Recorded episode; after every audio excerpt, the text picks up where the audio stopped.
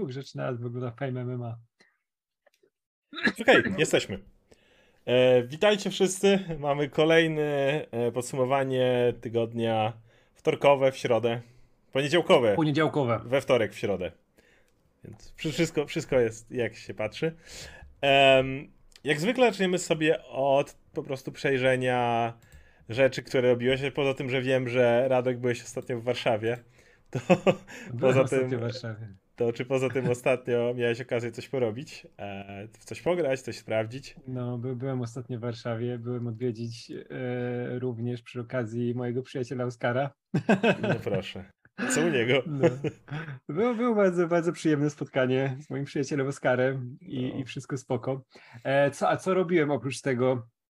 Eee, kurczę, znowu nie miałem czasu za bardzo niczego nadrabiać. Zresztą teraz się szykuję może złapię więcej czasu, bo zaczynają się nowe horyzonty w Wrocławiu. Mhm. Jutro, tak, nie, znaczy tak, jutro, jutro jest otwarcie, gala otwarcia i będzie można rezerwować bilety, znowu będzie polowanie, bo tam co rano trzeba wstać, 8.30 i sobie zaklepać miejsce, nie? I ja tego nigdy nie potrafię robić, więc wychodzę zawsze po festiwalu, że 70% tego, co chciałem obejrzeć, nigdy nie oglądam. E, I, i to, jest, to jest straszne. E, ale nie, ale tam będą piękne rzeczy. Jak ktoś jest z Wrocławia, to może jeszcze złapać bilety i, i coś sobie obejrzeć, bo tam naprawdę, naprawdę jest super. Ja w ogóle mam, miałem przygotowaną gdzieś listę, co chcę zobaczyć, ale też e, dużo rzeczy chcę w ciemno zobaczyć, nie? Że nie mam zielonego mhm. pojęcia, na co trafi, a tam można trafić naprawdę na jakieś całkowicie dziwne, dziwne rzeczy. Na przykład jest, o, to, to jedną rzecz powiem, jest film, na który trafiłem i którego przeczytałem opis, bo film się nazywa Niewidomy człowiek, który nie chce obejrzeć Titanica. To jest fiński film pana okay. Temuniki e, i to jest, wiesz, to jest dramat, ale przepraszam tylko szybko, o czym jest fabuła, nie? James Cameron, ten facet był kiedyś mistrzem kina akcji, ale potem nakręcił będącego szczytem komedii Titanica. Jako konsekwentnie odmawia obejrzenia przebojowego melodramatu i jako dowód swojej niezłomności trzyma na półce wciąż zafoliowane DVD. Ironia sytuacji polega jednak na tym, że nie zobaczy już nigdy ani tego, ani żadnego innego filmu. Wybredny kinoman stracił bowiem wzrok, a natomiast złego sparaliżowany jest sparaliżowany to czyni go osobą uwięzioną pośród ciemności i dźwięków. I to zamienia się później w jakiś thriller i kurczę, to jest cudowna okay. sytuacja wyjściowa jak na filmie.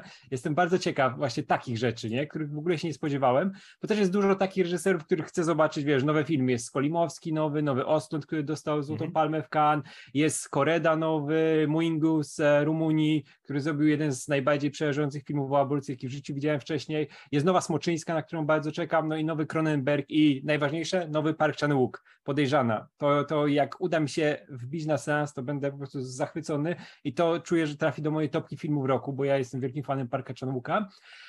A oprócz tego, co zrobiłem jeszcze, o, e, obejrzałem ostatnie pięć odcinków Breaking Bad znowu, bo chciałem sobie przypomnieć finał okay. i tą lekką drogę do finału, jak już się zaczynają rzeczy grube robić, nie? Mm -hmm. I mhm. wszystkie tam z Waltem i, i, i wszystko, no nie chcę, nie chcę spoilować, ale to nadal jest jedno z najlepszych zakończeń w historii tak. telewizji i ostatnia scena na podłodze, wow, wiesz, ja... znowu emocje po prostu i wszystko, wiesz, jakie tam jest natężenie na koniec tych wszystkich rzeczy, które się dzieją, nie? Jeden z tych seriali, a nie ma ich wcale tak dużo, który utrzymywał nie tylko e, formę przez cały czas, ale miał cholernie satysfakcjonujący finał, co jak wiemy tak. przy tych dużych e, serialach, które oglądają wszyscy, brakuje. jak masz, nie, nawet nie chodzi mi o MCU, wiesz, Gra o Tron, no finał był jaki był, nie? Mówię tutaj o, te, o, tego typu rzeczach. Pamiętam jak oglądaliśmy sitcomy i było How I Met Your Mother, no to ja finał tamtego How I Met Your Mother porównuję do tego, gdyby na końcu Walt dodał coś i nagle zaczęła się epidemia zombie i tak zaczął, zaczął tak by, to mniej więcej tak by ton, tam tak ton się zmienił. Jakby w Breaking Bad na końcu, wiesz, Walt by wywołał swoimi chemikaliami zombie epidemię. Więc e, generalnie, no, spoko. E, z mojej strony mogłem sobie pograć trochę więcej w Monster Hunter Rise, nie jakoś strasznie dużo, ale ja lubię serię, więc pozabijałem parę, parę potworów. Jeszcze do dodatku się nie dotoczyłem, bo to jednak kupa, kupa grania. Eee, no, obejrzałem finał Star Trek Strange New Worlds i był fantastyczny. Eee, to ma odcinku? 10. Okej, okay, to ja jestem do tyłu. Powiedziałbym, że są gorsze odcinki. Z dwa bym wymienił, które trochę odstawały, ale jak na 10 odcinków, kiedy dwa odstają, to dalej jest bardzo dobry serial, jeżeli reszta trzyma poziom. A dziewiąty i dziesiąty, dziewiąty to był obcy, a dziesiąty był naprawdę konkretnym finałem. Pojawił się już nowy Kerk, wypadł bardzo fajnie. O. Więc, yy, więc tak, J J James T. Kirk się pojawił i, i wypadł niczego sobie. Jak, go gra ten z pamiętników wampirów, nie? Nie znam tego aktora, prawdopodobnie tak, ale wypadł naprawdę spoko. E, I generalnie tam mo- morał jest taki, że Pike nie chciał napierdalać, y, Kirk chciał napierdalać, trzeba było napierdalać. to, Okej. to tak, ja wiesz, kiedy w Star Treku często inny morał wychodzi, a tutaj nie, no, tu trzeba było jechać. E, No, ale w każdym razie dalej, bardzo polecam dalej, oczywiście niestety, d- d- wiem, że Paramount Plus niedługo będzie w Polsce i będzie można to oglądać bez VPN-ów, w tej chwili to nie jest możliwe, ale pogadamy sobie też jeszcze o, dzisiaj o, o innych problemach z kolei Netflixa ze streamingiem. E, Poza tym e, z Pawłem wystartowaliśmy naszą e, prywatną sesję RPG, czego nie robiliśmy od pół roku, kiedy czasem gadaliśmy o tym, że gramy sobie kampanię w dżungli i wreszcie ją wystartowaliśmy i mieliśmy ciekawy początek. Więc, więc, więc znowu, znowu gram w RPG, pomimo tego, że na e, Spalmy to mamy przerwę, bo siedzę i dłubię cały czas drugą kampanię. Pr- Praktycznie codziennie dopisuję tam o, w tym mieście będzie takie i takie, tutaj ktoś, o, mam no- nowy pomysł na kolejnego NPC-a i, i to cały czas powstaje. Zresztą planujemy z Pawłem zrobić niedługo materiał o tworzeniu kampanii. E, natomiast jeszcze a propos, e, to w tą niedzielę będziemy gadać więcej o drugiej kampanii na live.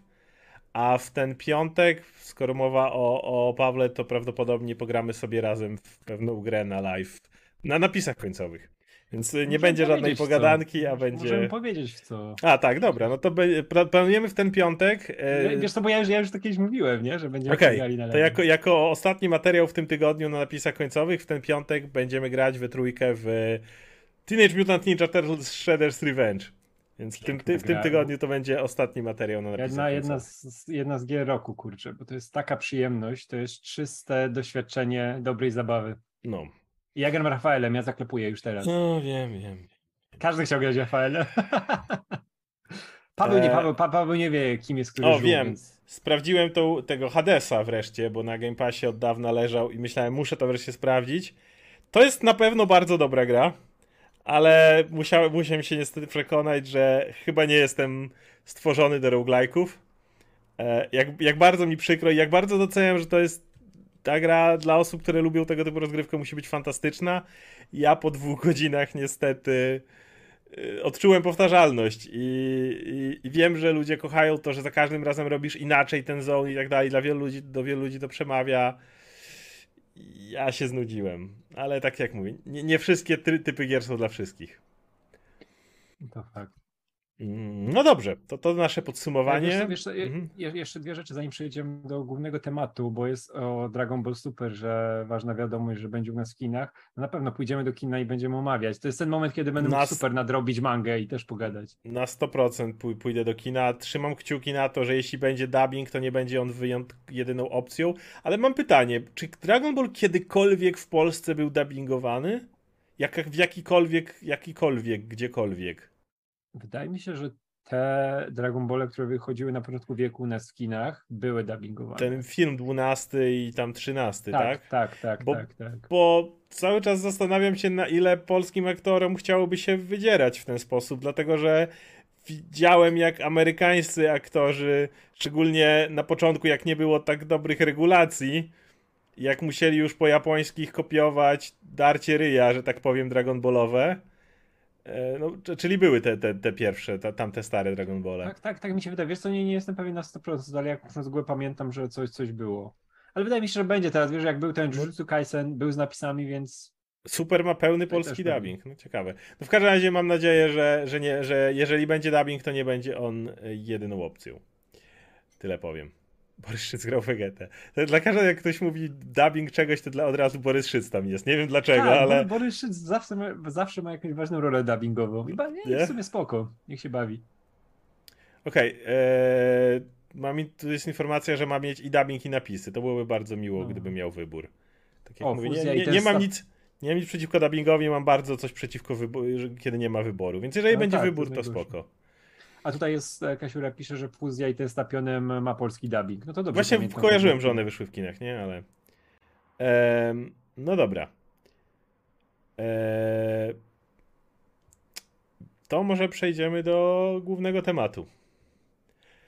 Więc e, pogadamy sobie dzisiaj o Zaku Snyderze. Nawet nie tyle o, o nim samym, bo on jest częścią tego tematu, co dużo bardziej fandom Zaka Snydera jest tutaj dużo zresztą częścią tego tematu. Mianowicie e, pamiętam jak mieliśmy zawsze e, ten, tą rozmowę o tym, że Zack Snyder za bardzo się uwiesił e, Snyder Cut swego czasu, kiedy nie wiem, było Army of the Dead, to prawie się nie, prawie nie promował swojego filmu, a cały czas gadał o tym i był cały czas po prostu fanatycznie na tym zawieszony, ale ostatecznie wszyscy stwierdzili, że no dobra, może był taki, wiesz, pełen pasji, ale generalnie spoko chłop. Generalnie Zack Snyder, fajny typ, fajnie się z nim pracuje i tak dalej.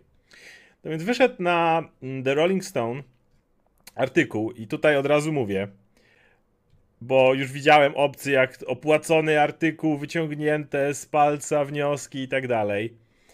To nie jest Rolling Stone po pierwsze, to nie jest geekblog news czy coś tam. To jest jednak szanujący się serwis. E, artykuł został napisany przez konkretną dziennikarkę, która nie jest takim no-name'em jak my, czy jakiś inny bloger, youtuber, czy coś takiego, tylko kobietę, która ma naprawdę konkretny warsztat. I zebranie informacji musiało za, za, miesiące, żeby dojść do wszystkich źródeł, które tu były. To oczywiście nie oznacza, że wszystko, co tu jest napisane, e, jest niezbitą prawdą. Tym bardziej, że ona tutaj bardzo rzetelnie pisze ten artykuł, mianowicie, kiedy Snyder czemuś zaprzecza, to zawsze jest informacja o tym, że Snyder temu zaprzecza, nie? To jest naprawdę konkretnie, e, konkretnie napisany artykuł. W każdym razie jego treść rzuca bardzo niepokojące światło tak na samego Zaka Snydera, jak i przede wszystkim fandom cały Zaka Snydera, cały hashtag release Snyder Cut i wszystko inne. Więc, żeby to chronologicznie jakoś uporządkować, zacznijmy o tym, że od tego, że są tutaj pierwsze raporty o tym, że Snyder już przy Batman v Superman wynajął niezależną firmę do tego, żeby pompowała hype w sieci na Batman v Superman. I dla jasności, nie chodzi o hype w sieci na zasadzie dodatkowa firma marketingowa, tylko firma, która zajmuje się tym, że udaje użytkowników, powiedzmy. Prawda? Chodzi o pod, pod, podpompowanie, yy, udając, o, jestem tutaj Kowalski, oglądałem ten film, nie mogę się doczekać. Wiecie, firma, która robi fake konta i tak dalej. No ale to była drobna rzecz przy samym Batman v Superman. Sprawa się znacznie zaczęła komplikować, kiedy doszliśmy do samego Justice League. Bo jak wiemy, przy Justice League były duże problemy. Mm, mówi się o tym, że Zack Snyder odszedł od tworzenia Justice League głównie ze względu na tragedię ogromną osobistą, samobójstwo córki.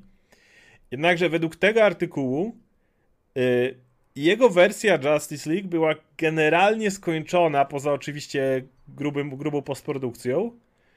Była skończona na długo zanim odszedł z przyczyn osobistych i generalnie nie odszedł z przyczyn osobistych, tylko generalnie Warner się z nim trochę rozstał. E, ponieważ Zack Snyder pokazywał kolejne wersje, zaczynając od 2 godzin 40, potem je skracał, skracał. No i generalnie mm, określenia, jakie padały z firmy, kiedy oglądali jego wersję Warnera, to był kompletnie pozbawiony jakiegokolwiek entuzjazmu slog. Yy, tam mówili, że jest unjoyful, lack of any kind of entertainment i tak dalej. No generalnie powiedzmy, że nikt w Warnerze, kto mógł miał szansę oglądać, łącznie z testową publiką, którą zatrudniali, e, nie był entuzjastycznie nastawiony, o tak powiem, lekko do jakiejkolwiek wersji Zacka Snydera, jaką on wyprodukował. Jego ostatni cut, który pozostawił, trwał 2 godziny i 12 minut. I również nie przyjął się z żadnym e, tutaj, z żadnym zainteresowaniem. To jeszcze tylko dodam, że HC pisze, że najpierw że Justice League miał być w dwóch częściach, ale to też już po Batman v Superman z tego zrezygnowali, żeby to było w już dwóch wcześniej. częściach. Dlatego mu kazali ciąć to, żeby było dwie godziny lekko ponad, a nie tak jak on sobie zrobił, że tam trzy albo trzy i pół. Tak, nie? przy czym to nie było coś, co, o czym do, do, do czego dojdziemy, kiedy Taika Waititi dostał Disneya dwie godziny. Nie, generalnie on, on przycinał, mówili, że no dalej, jak ściął do 2 godzin 40 minut, to nie było tak, że oni powiedzieli mu ej, to ma być 2 godziny równo, tylko obejrzeli to, sprawdzili to i powiedzieli, że się film wlecze. Mm. I wtedy ciął dalej. Więc to była znacznie.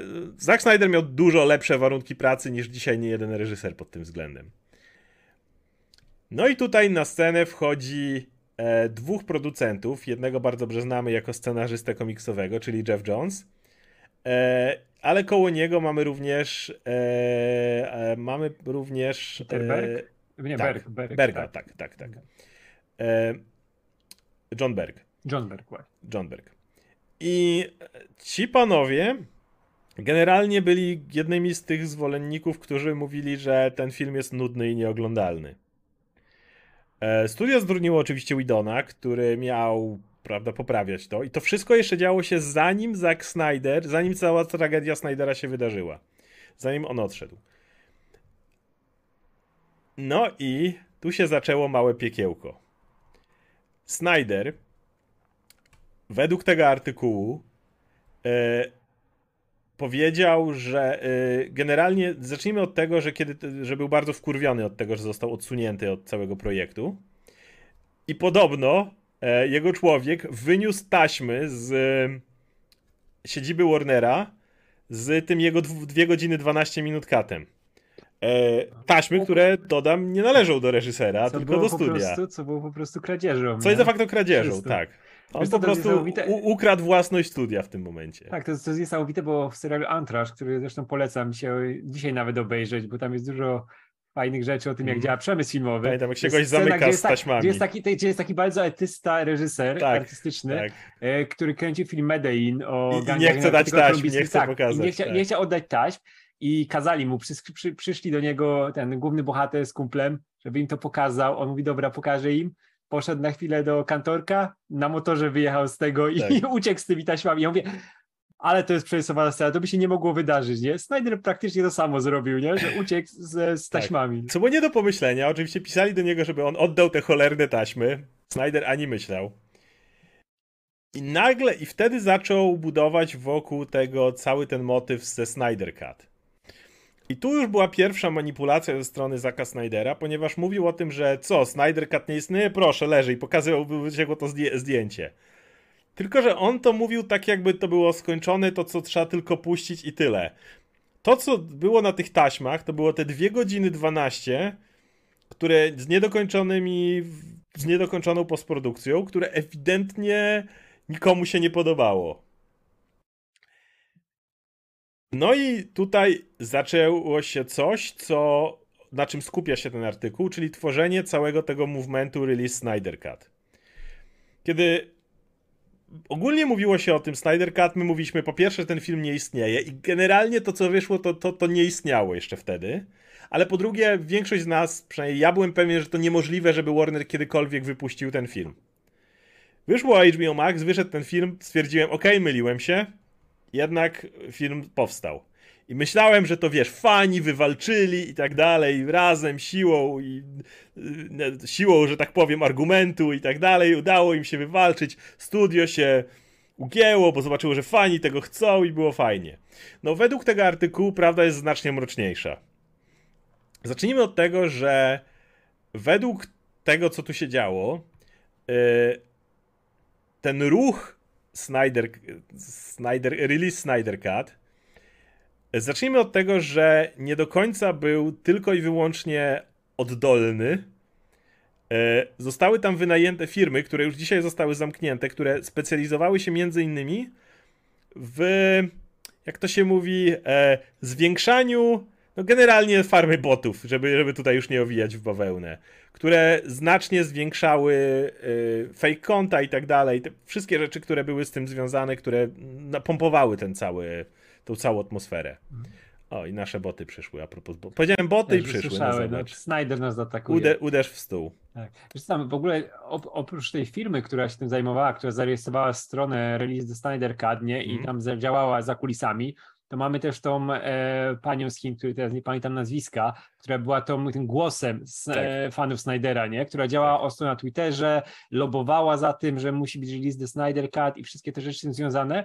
I to jest pani, która działała na Twitterze i w ogóle w przestrzeni publicznej w czasie od początku Snyder Cut do tego, jak film pojawił się w kinach. Jej ostatni post związany z czymkolwiek, z, e, tak głównie, żeby o czym się wypowiadała, to była premiera Snyder Cut, po tym już cisza, nic o reakcjach, nic więcej. I od tego czasu przez te dwa lata, które minęły prawie że od premiery, jakoś tak, nie? Teraz miałem Mhm. dwa lata. E, z, napisała dwa posty. Jeden to jest chyba, że jest 5 lat na Twitterze, to coś automatycznego, i drugi, że Tak. 6 lat na Twitterze, nie? I tego czasu się I zupełnie to nie główny głos. Tak, wszędzie jest tylko release, release the Snyder Cut, wiesz, w tytule E. i tylko nazwiska, to jest wszystko, nie? I no, ciekawe, no wielka fanka, nie? Która śledzi znaka Snydera i Coś- jego rzeczy. Wydaje mi się, że masz coś z mikrofonem. Jak możesz, nie wiem, wyłącz i włącz, czy coś takiego. Mhm. Ale dostaliśmy w międzyczasie super chat od Aleksandry. Dziękuję za waszą pracę, robicie mi każdy dzień. Dziękujemy, że możemy ci robić ka- każdy dzień, że Wiesz co, włączyłem, oglądasz. włączyłem jeszcze raz i powinno jakieś takie, słyszę, zakłócenia u ciebie dziwne. No. Nie, mam dobry ten, może, może, nie wiem. Powiedzcie, powiedzcie, jak Radka słychać, jak coś. E, natomiast em, tego było generalnie znacznie więcej, kiedy były pokazane nagle ruchy, kiedy od milionów, em, w, od, je- jeżeli mówimy o wyszukiwaniu o zasięgi, spadało nagle do 40 tysięcy. I ludzie mówili, chwila, takie, że organicznie się nie dzieją.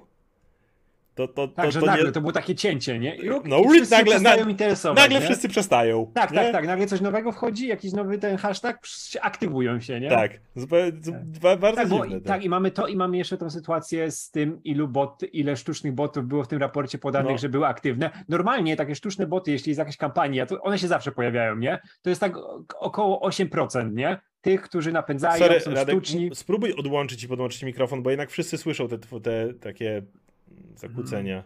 Okej.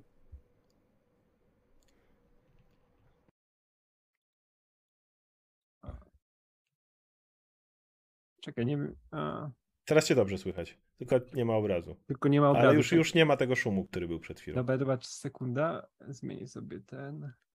Kurde, czemu mi się wyłączył? Ja wyłączyłem tylko mikrofon i czemu No, się kamera. Był, słuchać jakbyś zbierał chrust i trzeszczało. Dobra, a, Ale czekaj już jest okej. raz. Ale nie, nie pojawiam się. Nie mordą. pojawiasz się niestety. Sekunda, jeszcze tutaj odłączę. Jesteśmy atakowani przez boty Snydera. Dobra, O, dobra, jesteś. dobra, dobra. Teraz cię, teraz cię dobrze słychać. Tak? Em, no, w każdym razie i, i, i, i, tu się dopiero zaczyna. Y, Wielu pracowników Warner, z którymi e, tutaj dziennikarka Rolling Stone miała do nich dojście, oczywiście wiadomo, że trzeba chronić swoje źródła, no raportuje to, że, jaki, że w samym Warnerze było non-stop, y, był harassment od fanów. Media społecznościowe były totalnie najeżdżane, zanim ten w ogóle zgodzili się na jakikolwiek Snyder Cut. Były groźby śmierci regularnie nie z e, odpowiednich, e, w odpowiednie osoby. Mało tego, dochodziło do sytuacji, w których pojawiały się bardzo groteskowo makabryczne fanarty, w których na przykład włodarze Warnera stali z odciętymi, mieli od, poodcinane głowy, trafiały nie tylko do samych włodarzy, ale ruch Snydera również tagował dzieci tych ludzi na mediach społecznościowych, żeby im, im te fanarty pokazywać. Patrz, to twoja mama z odciętą głową, to twój tata z odciętą głową, nie?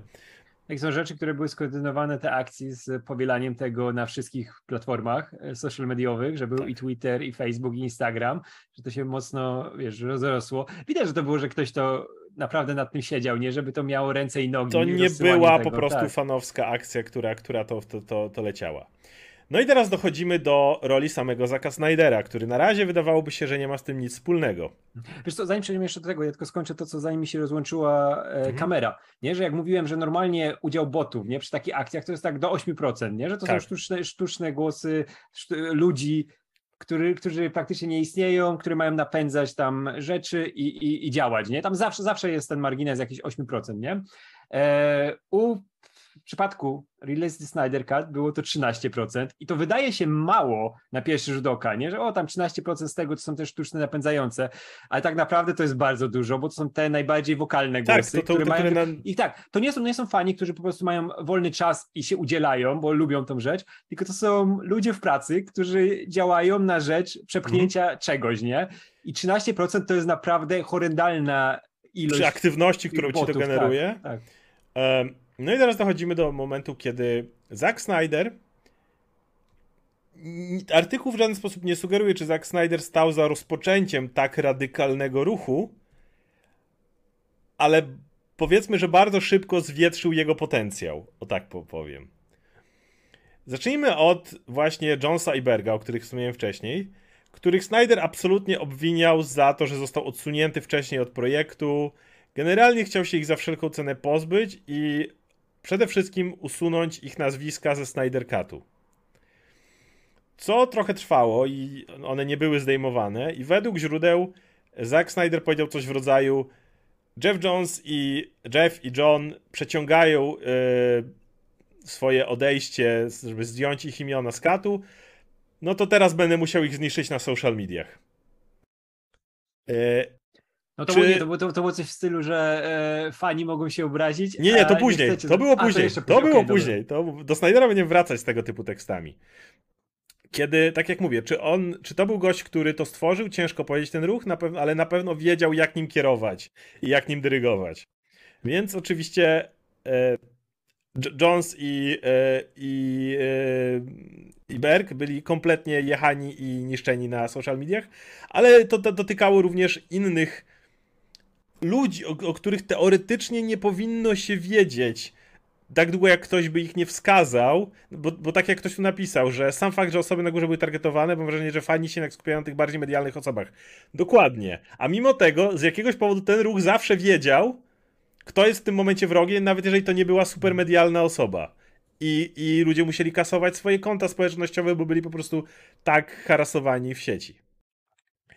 E, artykuł jest znacznie dłuższy, więc jeżeli ktoś chce mm, poczytać, to oczywiście jak najbardziej zachęcam.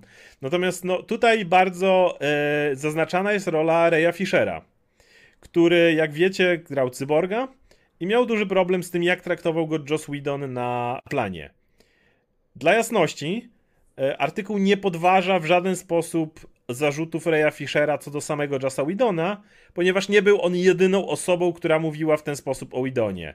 E, Gal Gadot mówiła podobne rzeczy, wcześniej y, ludzie pracujący w innych tworach, jak Buffy i tak dalej. Wiadomo, że Whedon był przemocowcem i, i tak to wyglądało. Problem polega na tym, że Ray Fisher regularnie dodawał do listy osób, przez które był nękany, kolejne nazwiska. I według artykułu wyglądało to tak, jakby na faktycznym harasmencie ze strony Widona on zbudował swoją wiarygodność, dzięki czemu mógł celować w kolejne osoby. Pierwsze dwie osoby, które natychmiast trafiły na, pod ostrzał e, Fischera, ale nie od razu w pierwszym oskarżeniu, tylko dopiero w kolejnym, to oczywiście Jones i Berg. Którzy rzekomo byli tymi, którzy zezwalali Widonowi na takie zachowanie. Okej. Okay. To jest jeszcze pierwsza rzecz, która, którą może być. Akurat w momencie, kiedy Snyder próbował się ich pozbyć.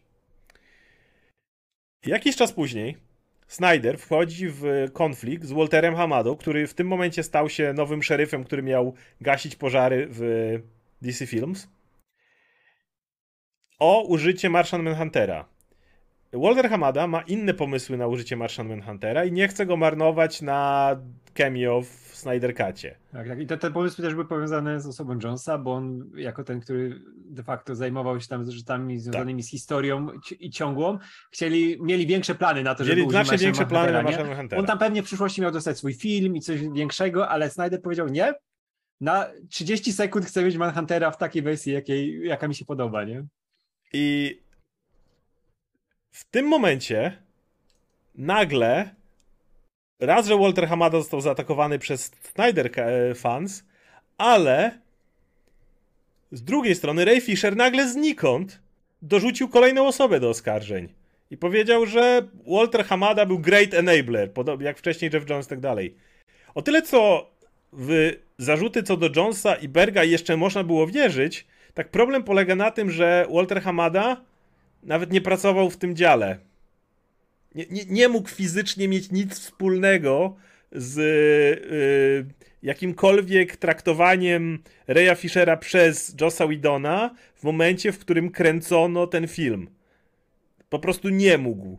Nie, nie pracował tam, nie miał nad, nie, nad y, kontroli nad Widonem, nie był jego przełożonym w tym momencie, nie zajmował się w ogóle tym elementem. Tak, to by nie wiem, to tak jakby Stanley nagle wszedł na plan, nie wiem, Stanley Galaktyki i zaczął pierdalać ludzi, nie? No. no. nie, jest związany, nie? Jest, może być sobie tam, nie? Jest jakoś z firmą związany, nie? Ale nie z, tym, nie z tym miejscem, nie zupełnie. Dokładnie. To jest komedia po prostu. I, y, i, i nagle, i, to, i, i właśnie dlatego ten artykuł skupia się na timeline, że dzieje się to w momencie, w którym Snyder kłóci się z Hamadą o Marshall Manhuntera. I nagle Hamada też staje się celem ataku. E, oczywiście, że Ray Fisher gra jedną z głównych ról w nowych filmach na Netflixie Zacka Snydera, to inna kwestia. Tak, i, ważne, jego postać nazywa się Blood Axe. Tak, Blood Axe. W, w Rebels Moon, nowy, nowych filmach Netflixowych Zacka Snydera.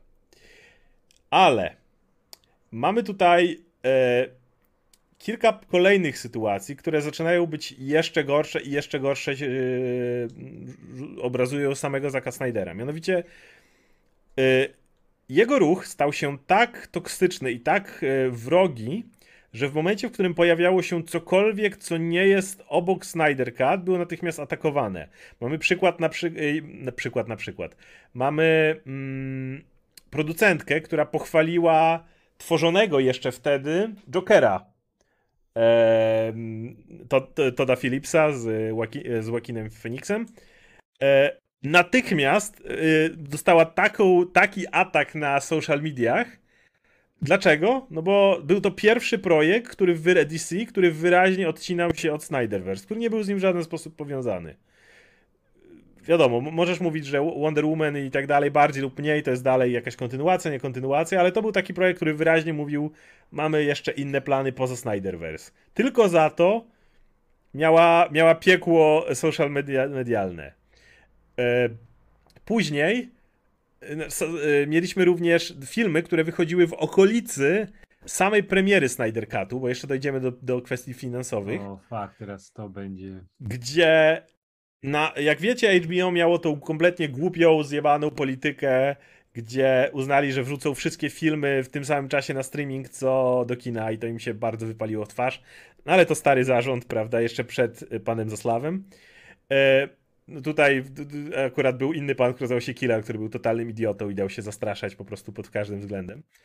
Killer, Killer na wszystko się godził, nie? Killer był tym typem. Jak jest ten moment, gdzie Snyder sobie tam w ogródku dogrywa jakieś rzeczy, trzeba mu pieniądze rzucić.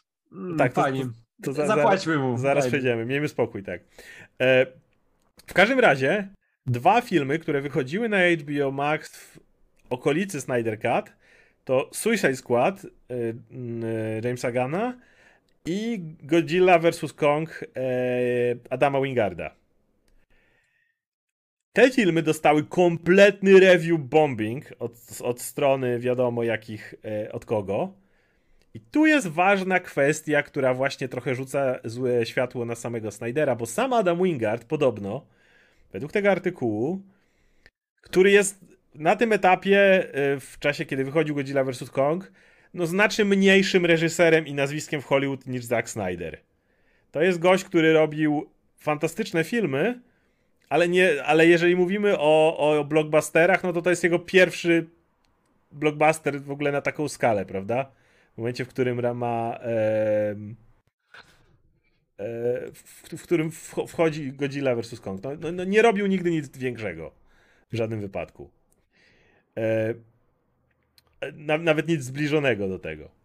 I on rzekomo według tego artykułu miał prosić Zacka Snydera o to, żeby on no, odezwał się do swoich fanów i powiedział im chill out. No, z, no, jest tutaj film, wszyscy jesteśmy fanami, wszyscy się lubimy, wszystko ten, nie, nie atakujcie innego filmu, żeby poprzeć mój, mój film. Na co Snyder odpowiedział, że on to nie ma takiego wpływu na tych fanów, przeceniają jego działania i on to nic nie powie, bo w sumie co mógłby zrobić. Samo to już pokazuje, no sorry, jeżeli to są twoi fani i tak dalej, to możesz do nich zaapelować. No jak nie miałbyś wpływu, to trudno. Nie? I to jest, to jest, to jest e, jeszcze tak e, dziwaczne, bo gość dokładnie wie, jaki ma wpływ, bo wie, że każdy jego On- tweet związany z tą sprawą doskonale, jaki był kluczowy. Pamiętasz, jak wrzucił to właśnie, co, o czym wspominałeś wcześniej, to zdjęcie tych szpuli Tak. i że o, istnieje jednak, no to wtedy się burza zrobiła, nie? I wszyscy retweetowali, mówili o tym i Snyder dokładnie wie, jaką ma władzę i co może zrobić, mówiąc, pisząc parę słów tylko, nie? Jakby napisał, żeby zostawić Wingarda w spokoju, to ta sprawa by miała mniejszy wydźwięk Oczywiście. to, ale jemu na tym nie zależało zupełnie, Absolutnie na nie? nie zależało. On chciał być królem świata według tego, który chciał być tutaj na, na mie- pierwszym miejscu i niech wszystko inne płonie, bo został skrzywdzony. Kończąc temat tego, bo jeszcze wrócimy do kasy, e, najciekawsze jest z tego wszystkiego, że zarówno Godzilla vs. Kong, jak i Suicide Squad mieli znacznie większą ilość wyświetleń na HBO Max niż Snyder Cut. Więc gdzie ci fani? A mówimy o filmach, które były w kinach też, nie? Jednocześnie były w kinach, tak. Możesz powiedzieć, że Snyder Cut miał wcześniej miał zwykłą wersję z, z, po prostu w, w kinach, to Widona, że trwał 4 godziny. No dobrze, ale ani Godzilla, ani e, Suicide Squad nie mieli takiego bazu, nie mieli takiego ruchu. Nie, nie było przecież tych gruźb, nie gruźb, nie latał samolot ze znakiem, wiesz. A, a jedno i drugie miało więcej wyświetleń na e, HBO Max, więc gdzie ci fani? Piracili? Fani najbardziej zagorzali, którzy chcieli pokazać, jak to działa, piracili? Coś, coś, gdzieś tu matematyka się nie zgadza. Na HBO nie można przyspieszyć filmu, może to był problem. Jak sobie ściągniesz, to troszkę można. E, I tutaj jeszcze jest kwestia pieniędzy, gdzie mie mieliśmy sytuację, w której na początku były ustalone fundusze do około 30 milionów. Na które zgodził się oczywiście pan Killar, który był. Bał się chyba tych ludzi Zaka Snydera jak ognia. Więc nagle, więc Snyder co jakiś czas generalnie prosił o więcej hajsu, żeby dokończyć to. E, za każdym razem oczywiście jakakolwiek e, obiekcja co do wydawania tych pieniędzy kończyła się z najazdem fanów na odpowiednią osobę. E, w końcu razem z kampanią marketingową sam film e, Snyder Cut kosztował 100 milionów dolarów ponad. Na co sam Zack Snyder oczywiście mówi, że no nie, to- nie chodzi o jakieś tam, że fani Warner na pewno nie zrobiłby niczego, co nie było finansowo uzasadnione. No, po raz kolejny mówię, to miało mniej wyświetleń niż inne rzeczy.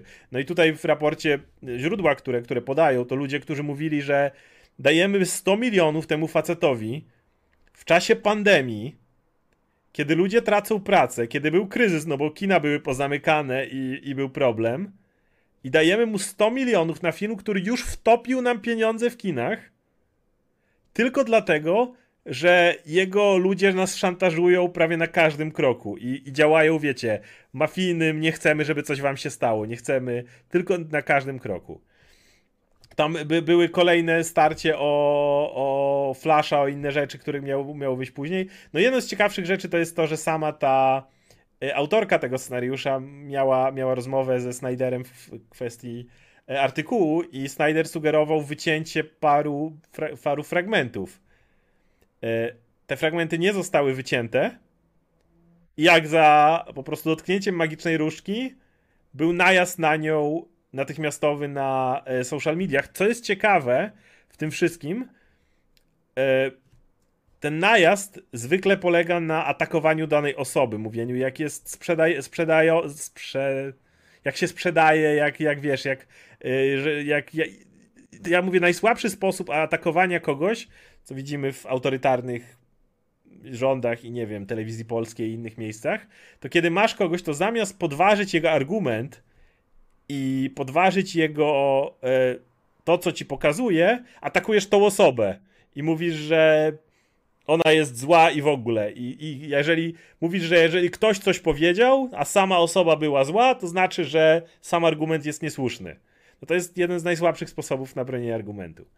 E, I co ważne, Snyder powiedział do, do, do, do, do pani dziennikarki, chcę dokładnie znaleźć cytat, bo to jest, bo to jest bardzo, bardzo, to, to, to brzmi jak totalnie, e, jak, jak po prostu, e, Yy, spróbuję to znaleźć. Dos dosłownie jako, yy, jako yy, mafijny boss, który mówi nie, nie chcemy, żeby coś ci się stało. Nie mogę znaleźć dokładnie, ale brzmiało to mniej więcej właśnie tak. Nie chcesz rozzłościć fanów. Wiesz, że fani potrafią być tough. Really, really tough. To, to dosłownie brzmi jak mafijny boss, który wchodzi ci do lokalu i mówi no ładny tu masz lokal. Możesz mi nie płacić, ale wiesz, wypadki się zdarzają. Ja nie mam z nimi, chyba- z nimi nic chyba- wspólnego. Chyba chyba Mark, Mark Wade wczoraj o tym pisał, też jechał po i po tej sytuacji i chyba go porównał do Lexa Lutora. Tak, To był jest- powiedziane, że to był Lex Luthor, który tak. patrzył jak świat płonie wokół niego, według jego, e, pod jego, że tak powiem, dyktando. No, kończąc ten temat, z tego całego obrazu, to jest naprawdę długi artykuł na Rolling Stone, który polecam przeczytać, wyłania się obraz, w którym mamy bardzo toksyczny fandom. Nie wiadomo właściwie dokładnie, gdzie, skąd było finansowanie tego, tej, Właśnie, tej... właśnie, o, o tym, o tym chciałem powiedzieć, nie, bo to jest rzecz, która pojawiała się, pojawiały się głosy z tym związane w czasie tej całej akcji, nie? Tak. Były te pytania, skąd są na to pieniądze? Przecież to jest wszystko pro bono robione, nie? To Tak. fani się zebrali, nie było żadnych zbiórek, nie? No nie właśnie, było chodziło, żadnych- ludzie pytali, tak, gdzie, gdzie Kickstarter na to, gdzie tak, inne rzeczy. Nie było żadnych Kickstarterów, nic. Skąd się brałem te pieniądze? Mieliśmy reklamę na Times Square, która dziennie kosztuje, o ile dobrze pamiętam, nie wiem, z 50 tysięcy dolców? No, żeby, plus ten samolot, na, na tych wielkich- ten tak. samolot na... Tak, samolot na San Diego, ale, ale kurczę, te reklamy na Times Square, one tak. są jedne, z, to, są, to jest najdroższe miejsce na świecie, No. gdzie się wyświetla reklamy, nie? I tam za dzień się płaci grubą kasę. W życiu byś tak na Kickstarterze nie zbierał, żeby takie rzeczy robić, nie? Dokładnie. Skąd są te pieniądze? Nikt tego nie śledził, No, nie? e, Pojawiły się. Zatrudnianie firm, które to robią y, farmbotów i tak dalej. Nie wiemy skąd wzięły się te pieniądze. Do tego autorka nie doszła. Tak, tak, tak. To nie jest, wiesz, to, to z boku wygląda tak, ale fajnie, fani robią takie rzeczy. No nie, no fan może, wiesz, wyjść z koszulką, że release Snyder Cut, czy coś takiego, zrobić wideo na Tak, YouTube. jest oczywiście również... Wyświetlić co- reklamy na Times Co zostało już sprawdzone w innym artykule kiedyś. Pamiętacie, jak tego dziwnego Oscara dla publiczności zgarnęła Army of Darkness? Nie Army, Army of of Darkness, the Army Dead. of the Dead.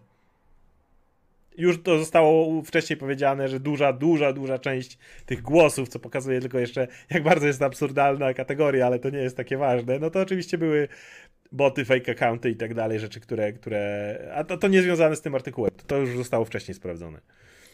Natomiast więc to, jak bardzo toksyczny jest fandom, który pisze groźby śmierci, wysuwa atak do wszystkiego, wszystkiego i wszędzie, co nie jest związane z tym. No, cała masa rzeczy, która była z tym związana, to jest jedna rzecz. Tak jak mówię, pieniądze są nie wiadomo skąd.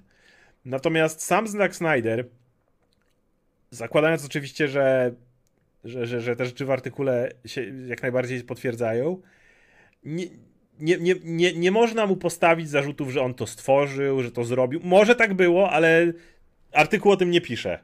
Dziennikarka nie wyciąga rzeczy z dupy, do których nie doszła w żaden sposób, więc ona nie doszła do żadnych informacji, które by mówiła, że Zack Snyder to założył, że Zack Snyder to finansował, czy cokolwiek. Nie znalazła takich informacji, więc o nich nie pisze. Do czego jednak doszła, to do tego, że Zack Snyder bardzo to wyk- wykorzystywał. Dosłownie szantażując ludzi w taki sposób właśnie, no nie chcę, żeby tutaj mój fandom ci wjechał.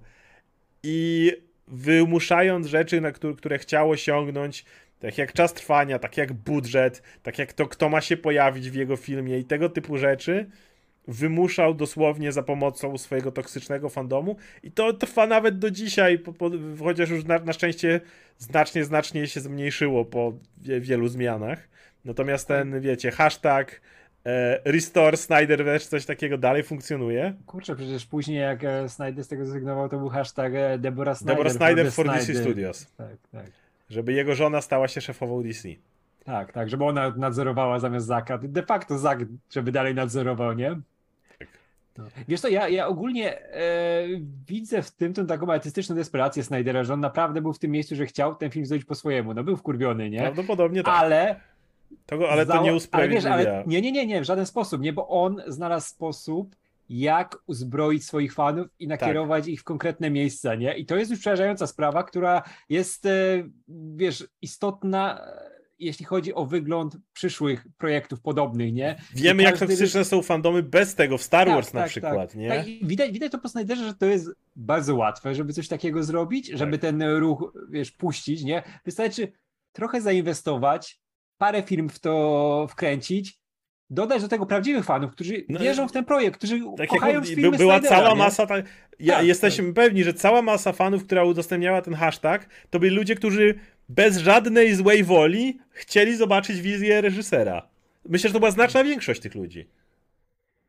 No ale wy- wystarczy to właśnie. No tak, to, to, to wygląda pod wieloma względami jak mała sekta po prostu, tylko że napędzana jeszcze fake nieistniejącymi osobami, które to dodawały, więc y, tak jak mówię, je- jeżeli Snyder nie jest winny założenia tego, to na pewno jest winny z uzb- uzbrojenia tego, nie weaponize, y, prze- przekierowania tego i nasyłania na odpowiednie osoby, kierowania tym. No kojarzy mi się to często z innymi brzydkimi rzeczami, które dzieją się poza strefą filmową, kiedy różnego rodzaju hejt do zbijania kapitałów, nie wiem, politycznych czy innego Tak. rodzaju jest kierowany na różne grupy. Tak, a Snyder, mówią sobie, coraz bardziej ręce brudził, nie? Podczas tej sprawy, nie? O, Tak. Zaczynając od kradzieży, za co już powinien beknąć ostro, nie? Później mamy te rzeczy właśnie z tym skręceniem, że tam tych dodatkowych rzeczy w ogródku i później te 13 milionów, że mu zapłacili, powiedzieli, że nie zapłacą, bo nikt tego nie chciał. Miałeś tego nie Tak. robić, nie? Tak. I tak jak przyszedł ten pan na K, jak on się nazywał? Ten, ten co mu na wszystko pozwalał później? Killer. Killer, tak. Jak Killer się pojawił, to dał mu te 13 milionów, nie? Żeby Snyder sobie A potem na reklamy było jeszcze więcej. I to a potem Tak, utopiło tak, że jeszcze tam, więcej. Tam miało być, na początku miało być nic, niedodane, miał sobie to przemontować. Później miało być 30 milionów, później miało być 70 milionów, później było 100 milionów, nie? I wow, to jest tak a, a, a, a zaczynało się od kłamstwa Snydera, kiedy mówił o tym, że to już jest gotowe i tak dalej. No miał niedokończonymi VFX-ami dwie godziny z hakiem materiału. To było tyle. Więc no nie wygląda to dobrze. Jeżeli jestem przekonany, że wiele studiów zainteresuje się tym artykułem, sprawdził swoich źródeł pewnie wiele rzeczy z tych jeszcze, czy, czy wiadomo, to, jest- to jest jedna dziennikarka, która doszła do wielu źródeł i ona ma swoją renomę, ale na pewno wiem, że studia będą to kopały. Jeśli odkryją, że wszystko, co tu jest napisane, jest faktycznie prawdą i miało miejsce, powiem jedno. Nie wyobrażam sobie, żeby jakiekolwiek studio, no Netflix już ten Rebels Moon no już powstanie, to nie, nie ma opcji, bo już, już on jest kręcony, już, już jest po wszystkim. Ale nie wyobrażam sobie, żeby jakiekolwiek studio przy zdrowych zmysłach chciało jeszcze kiedykolwiek współpracować z Zackiem Snyderem. Bo to w tym momencie jest proszenie się o. No, za, zapraszasz de, de facto tych wszystkich krzykaczy do domu wtedy. Jasne, Snyder dalej może cię atakować z zewnątrz, ale, ale to wtedy wygląda inaczej, jak nagle zaczną, nie wiem, szantażować Warnera, przywróćcie Zacka Snydera, czy coś takiego, co dalej może się stać. Natomiast dalsza współpraca ze Snyderem to jest zapraszanie tych wszystkich ludzi, botów, wszystkiego, co jest z tym związane do siebie, z reżyserem, który wiesz, że w razie czego nie będzie próbował ich zatrzymać, tylko prawdopodobnie jeszcze uderzy w ciebie, żeby dostać dokładnie to, czego potrzebuje i, czego, i co chce, więc nie wyobrażam sobie, że jakieś studio chciało z dobrej woli zapraszać Snydera do siebie. A nuż się pokłócicie i nagle będziecie, twoi ludzie w firmie od, od niższych do wyższych szczebli będą kasować swoje konta społecznościowe, bo będą mieli za duży najazd. Tutaj też się pojawił ten wątek rzeczy, że mógł być toksyczny, wiesz, prywatnie Snyder, ale mi się wydaje, że on może być po prostu naprawdę dobrym gościem. I wiesz, tam Momoa, Fisher, Gal Gadot. Wszelkie informacje lubić, z nie? planu mówiły, że to jest, że pracuje się z nim na planie świetnie. To Tak, tak, nie sądzę, żeby to był to się- przypadek Jossa Widona i ten artykuł tego nawet nie sugeruje. Tak, to nie musi na siebie właśnie nachodzić. Nie? On, on może być spoko gościem, nie może się z nim piwa napić, ale jak dochodzi do spraw typowo finansowych, związanych z pracą, no to okazuje się chujkiem. I Znaczy, Są nawet, takie nie, rzeczy, nawet nie? tylko z, z, z tym, brać- wydaje, wydaje mi się, że to jest gość, który ma niestety absolutnie rozdmuchane, gigantyczne ego. A to, To tak, jest- nie, to jest, to jest podstawa i to od, od początku jego kariery. W tym momencie, kiedy on zaczął robić te wielkie, blockbusterowe rzeczy, gdzie mu dużo, na dużo pozwalono naprawdę, nie? 300, przecież zrobił sobie ten, ten film o, e, e, e, jak on się nazywa, ten, ten o, z, z tych z, dziewczynach samurajach i zbrojach. Tak, Sucker Punch. Przez Sucker Punch był takim filmem. Masz tutaj kupę kasy, zrób Tak. sobie swoją bajkę, nie? Jaka ci się podoba. No i te, tak to wyszło, nie? I teraz robi to samo. Netflix też mu rzucił pieniądze. Chcesz film o zombie? Zrobiłeś o zombie. Chcesz e, ten Rebel Moon, nie? Sci-fi w tym swoim stylu? Nazwij postać Blood Axe, weź sobie Raya Fishera, rób, nie? Tak to wygląda. Tylko, że myślę, że to się skończy w tym momencie, bo mówię, Ne- Netflix przy Army of the Dead nie miał z nim kosy, więc nie było nic głośno z tym, ale wyobraź sobie, że ktoś by miał. No tak, bo wiesz, do tej pory nikt konkretnie w jednym miejscu tego nie spisał, nie pokazał i nie sygnował tego konkretną nazwą jakiegoś miejsca, nie? Tak jak Tak. Rolling Stone, nie? Jak już wychodzi coś na Rolling Stone, długi artykuł, e, który ma naprawdę świetny research zrobiony, nie? To jest, to jest ten artykuł, ten artykuł jest bardzo długi. Tu, tutaj Tak, research tak, musiał tak. zająć miesiące. No, No. więc e, tak to wygląda. No, wydaje mi się, że to jest gość, który ma po prostu ogromne ego i dla niego fakt, że są odsunięty od projektu był największą potwarzą po prostu. No Tak, tak. I próbował za wszelką cenę doprowadzić do końca, chociaż wiedział, że nie ma tego zrobionego. Idąc po trupach. Będzie kupa, kupa roboty przy tym, żeby to doprowadzić do końca, ale walczył, nie? Brudny sposób. Smutne w no. tym wszystkim poza tym jest, że uzbrajaniem fanów, co, co tak jak mówię, wiemy jak fandomy potrafią być bez tego w w przypadku Star Wars, to smutne są inne rzeczy, bo to trochę odbiera temu właśnie tej idei, że fajni, wiesz, y, tak chcieli i powstał ten Snyder Cut, no to rzucać cień na to, no i jeśli u Raya Fishera to jest prawdą, że on, ja, ja mówię, ja, ja naprawdę jestem w stanie uwierzyć, patrząc po zeznaniach innych osób, jaki był Joss Whedon, ale jeśli gość faktycznie zaczął wciągać, korzystając z wiarygodności tego, co robił Whedon, zaczął rzucać oskarżenia wobec innych osób, no sorry, no nie wiem jak to może nie być prawdą, skoro oskarżał Hamady, który nie mógł mieć z tym nic wspólnego, to Ray Fisher zrobił właśnie najbardziej niedźwiedzią przysługę wszystkim ludziom, którzy faktycznie są poniżani i e, no jest cały, nawet nie mówię o, o, o molestowaniu, tylko ogólny e, znęcanie się w branży. Bo jeśli, jeśli to wyjdzie na światło dzienne i zostanie on na, na, na konkretnie naświetlony, to za każdym razem, kiedy dzieje się taka sytuacja, natychmiast będzie wracało, o no, to był ten gość, co też tak gadał, ale okazało się, że był z typem do, dogadany. Więc- ja, ja, się, ja się bardzo cieszę, że wyszły te rzeczy z Widonem, nie, że dostał po dupie, bo to jest Mhm. najlepsza rzecz, jaka wyszła z tego Oczywiście. całego re release the Snyder Cut, nie? Że on za to beknął, nie?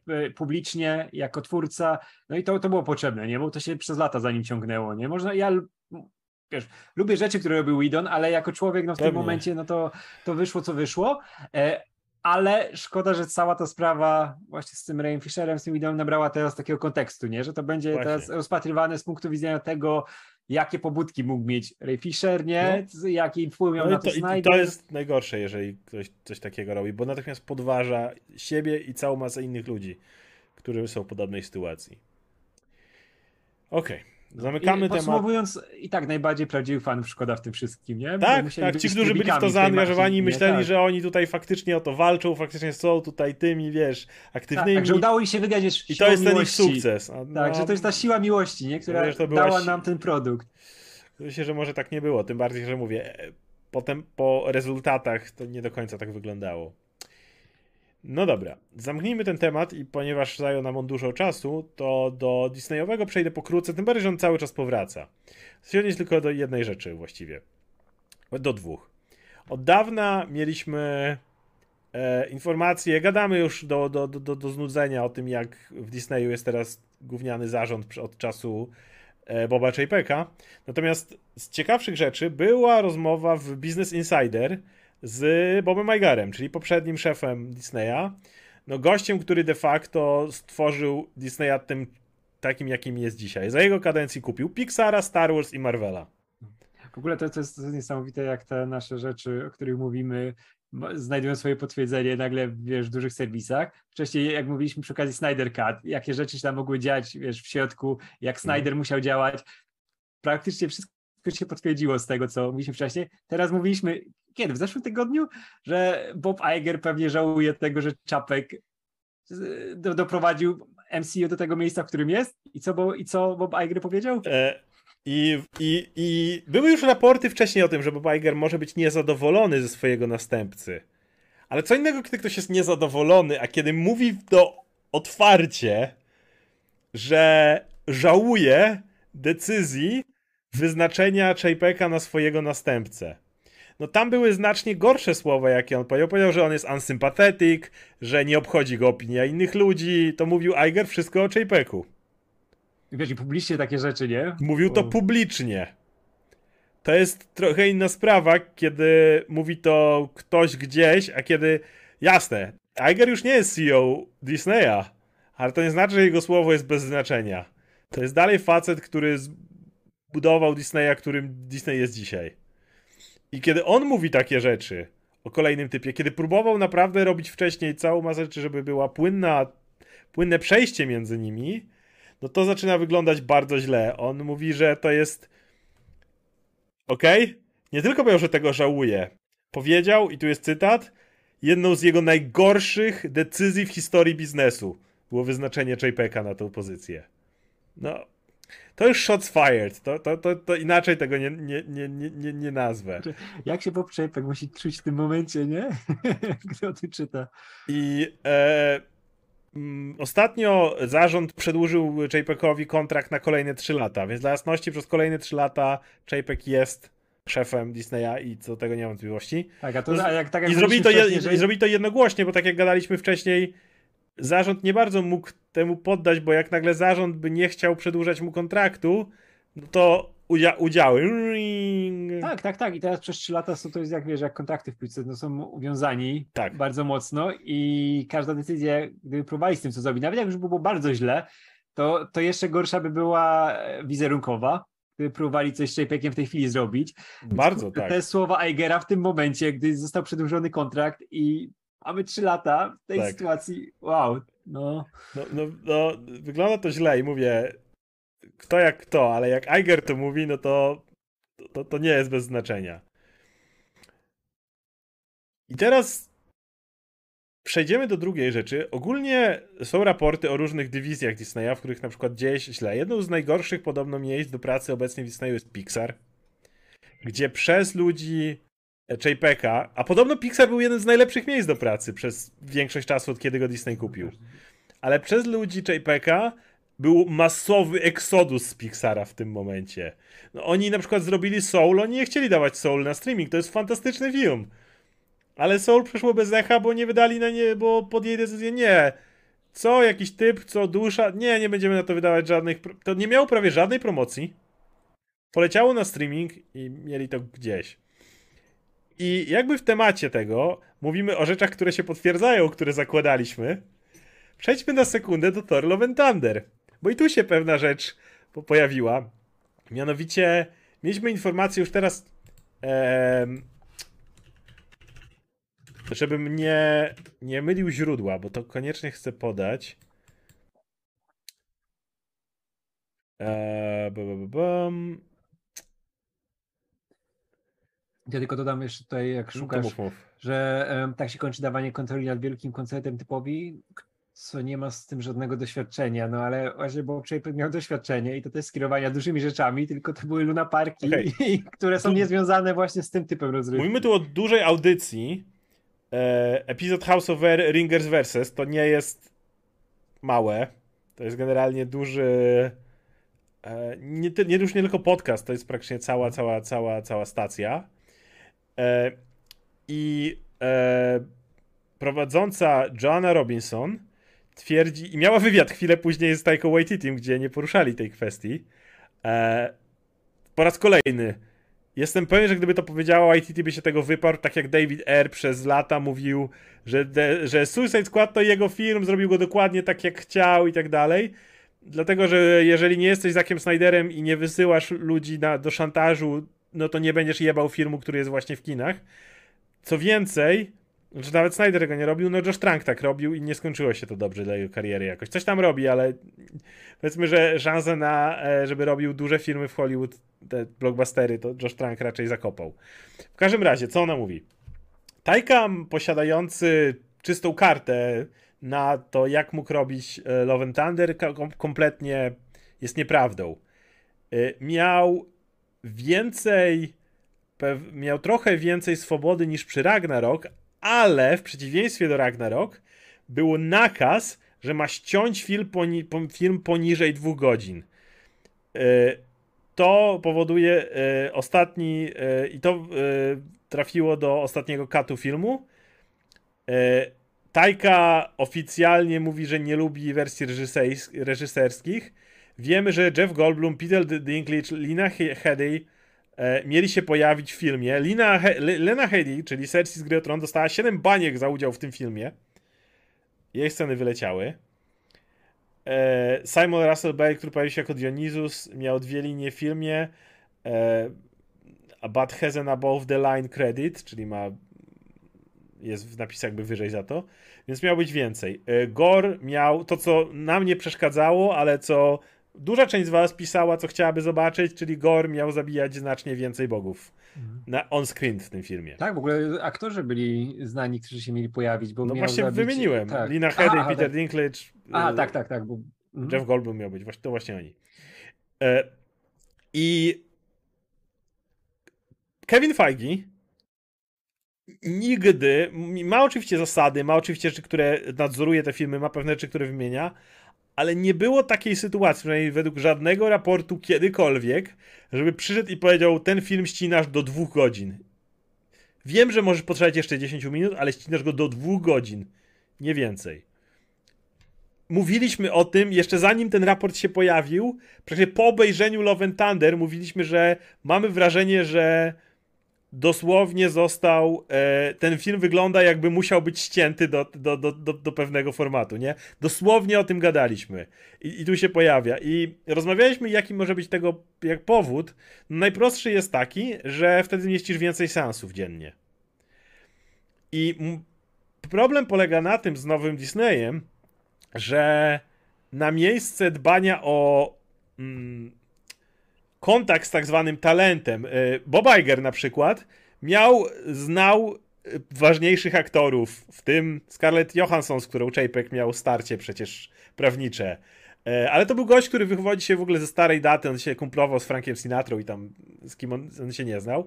Natomiast Chapek jest gościem, który siedzi tylko i wyłącznie za korporacyjną stroną. No i problem jest taki, że nie jesteś w stanie matematycznie w słupkach pokazać, czy film będzie dobry. Nie możesz tego zrobić. Nie możesz zrobić. Gdyby była formuła, która by powodowała, że film jest dobry, no to byłoby, ale nie, coś takiego nie istnieje. To jest, to jest subiektywne, artystyczne przedsięwzięcie i spowodować, że spo, i zrobić go tak, żeby został uznany za dobry przez większość twór, yy, publiki, no to jest coś, czego nie możesz zrobić. Podejście Meigera było takie, że po prostu oddaje kontrolę w ręce talentów, czyli Horna, czyli Feigiego i Feigi oddaje to reżyserom Oczywiście ze swoimi narzuconymi elementami wierzysz w to, że Gun wyprodukuje ci film, który spodoba się większości ludzi, nie? I YTT to samo. Ale tak jak mówię, tego nie wyliczysz. Co możesz natomiast wyliczyć, to ilość seansów dziennie. I podejście może być takie, to już są spekulacje, ale podejście mogą być takie, że jeśli masz, macie filmy i teraz produkujemy ich bardzo dużo rocznie, nie mamy pojęcia, czy ten film się spodoba i zarobi bardzo dużo, ale generalnie wiemy, że póki mamy markę Marvela, to te filmy tracić raczej pieniędzy nie będą. Eternals było, było właściwie jedynym wyjątkiem. Jeśli zrobimy wystarczająco dużo filmów i wepchniemy, szczególnie jeżeli film byłby przypadkiem kiepski, ale wepchniemy y, dużo seansów dziennie, zanim word of mouth się rozejdzie, że film jest kiepski, mhm. to cały czas w pierwszym tygodniu ten film zarobi. Zresztą Thor e, czy Doctor Strange mieli duże spadki w drugich tygodniach, a w pierwszym zarabiali naprawdę dobrze, przez to mają cały czas dużo pieniędzy. I wtedy, jeśli rocznie będziemy tych produkcji strzelać więcej, to na jednej produkcji może zarobimy mniej, ale ogólnie w roku będziemy mieli więcej hajsu. E, a szansa na to, że wyprodukujemy kolejny endgame nie jest duża. Umówmy się, to nie zrobisz czegoś od tak. Jasne, zajeżdżamy wtedy markę, Robimy z tego, e, to wszystkie, mieliśmy dopiero co materiał o problemach Marvela i innych rzeczach, więc doimy to niemiłosiernie, powodujemy znużenie, ale to jest niestety korporacyjne myślenie, które jest, e, trapi według mnie bardzo e, branżę na przykład gier, gdzie w duże korporacje mamy gości, którzy wchodzą, którzy nie bardzo wierzą w to, że oni za rok, dwa, trzy jeszcze będą na tym samym stanowisku, tak. bo nie wiesz. Więc nie budujesz wtedy marki na 10 lat, no bo skąd marzyć, czy za 10 lat tu będziesz? Nie, jeszcze za 3 będziesz pracował na samym miejscu. Ale jeżeli teraz wydoisz z niej wszystko, co jesteś w stanie wydoić, to co ci obchodzi, że marka padnie? Tak, tak, wiesz, tutaj zupełnie nie, nie ma powodu, żeby robić Top Gun Maverick, nie? Film, który ma zarabiać przez tygodnie i... Bo nie jesteś w stanie tego obliczyć. Nie, nie, nie, nie, nie. Tutaj się liczy zarobek z pierwszego tygodnia, nie? To jest, Tak. to jest najważniejsze, dlatego musi zrobić krótszy film, żeby jak najwięcej seansów zmieścić, bo Dokładnie. te filmy zarabiają nie na fanach. Nie, bo się uważa, że fani mają tyle do powiedzenia, fani głośno mówią, fani wyda, ten, e, piszą w necie, nie, jaki ten film jest, fani wystawiają oceny. Liczą się przede wszystkim ci widzowie niedzielni, którzy chcą sobie iść na nowego Marvelka, po prostu od tak, i muszą trafić na seans, wiesz, te seansy muszą być często, żeby na tą godzinę, która im pasuje, sobie Mhm. iść do kina, nie? Jak film trwa trzy godziny, tych seansów jest mniej, nie masz tych, które się zaczynają akurat w tym momencie, kiedy oni sobie mogą wyjść, nie? Kiedy Mhm. mają chwilę, żeby go zobaczyć. A jak masz ich dużo, to zawsze znajdziesz ten czas, kiedy możesz sobie wskoczyć do kina, nie? I ci widzowie są kluczowi dla tych filmów. I oni wiedzą, ile z nich można wyciągnąć, nie? Właśnie skracając filmy. To tak dalej będzie wyglądało, nie? Bo te filmy nie są już robione w tym momencie dla fanów, one mają zarabiać, nie? Przede wszystkim. Bo to jesteś w stanie wyliczyć, bo jesteś w stanie Tak, wyliczyć, tak, tak. ile seansów zmieścisz i jaki z tego masz potencjalnie Tak, tak, tak, tak. A nieważna jest jakość, a wyobraź sobie, wiesz, ile Bo jakości nie biletów, może- nie? bo jakości nie przedstawisz w Excelu. Tak, tak, tak, a każdy, każdy dodatkowy seans, no to jest kupa widzów, nie? To jest Tak. pełna sala nowych widzów, nie? No i dlatego ja po raz kolejny mówię, mówiłem to od dawna, Thor Love and Thunder wygląda jakby tam brakowało dużo materiału, aktorzy częściej niż przy... Jasne, zawsze się wycina rzeczy. Ale nie przypominam sobie innego filmu, w którym aktorzy w wywiadach tak często wspominaliby o tym, czego w filmie nie ma. Wiesz, to, że jakieś sceny wylatują, to jest normalne, ale nie przypominam sobie innego, innej sytuacji, w którym Natalie Portman mówi, Chris Hemsworth mówi, Christian Bale mówią, wszyscy mówią, czego w filmie nie ma. Więc e, no to tak trochę sporo tego. Tak, Wojciech E. zresztą otwarcie e, e, za- zahaczał te tematy średnio, wiesz, e, średnio dobre dla tego filmu, nie? Ale Tak. wiesz, Waititi taki jest, nie? A tak samo było z tymi efektami, nie? To też też była taka szpila, wiesz, bo się mówi, że wiesz, o jaki ham, Że że tak no- się dojechał, wypowiada, tak. ale to bardziej był atak na to, jak działa Marvel Oczywiście. dzisiaj i widać, że on cały czas wbija te szpile, nie? Tylko trzeba troszkę między wierszami, tak jak właśnie z tymi wyciętymi rzeczami, tak jak o tym mówisz, nie? Że każdy wywiad z YT Team jest głównie na tym, na to skierowany. Czego nie ma? Czego właśnie nie ma i jakie to jest fajne, co wyleciało, jakby Tak. to dodało do filmu, nie? Więc ja cenię za to Waititiego jako aktora. nie, nie tylko jako reżysera, ale bo jako aktora, nie? E, e, jak ty możesz pokazać kości Weksela na filmie? Ja mam cyferkę i pokażę, to jest dobrym, a co nie filmem.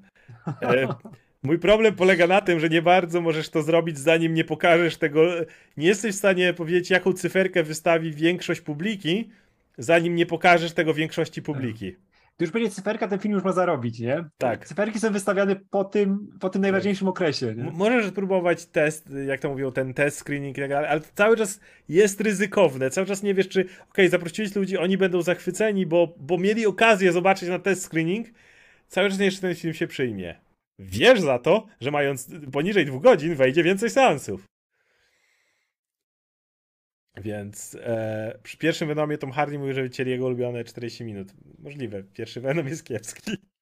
Znaczy, Ve- jest, pierwszy Venom pierwszy też jest pocięty przecież. jak- Pierwszy Venom to są dwa filmy Dwa filmy. innych gatunków, Które- ściśnięte na hama, żeby Tak. zmieścić się w tych dwóch, ilo, ilo tam Tak, trwał to- niecałe dwie godziny, nie? No to, to, to, to je, je, bo- że tak powiem, my, my point exactly, że tak powiem, jak czytam teraz.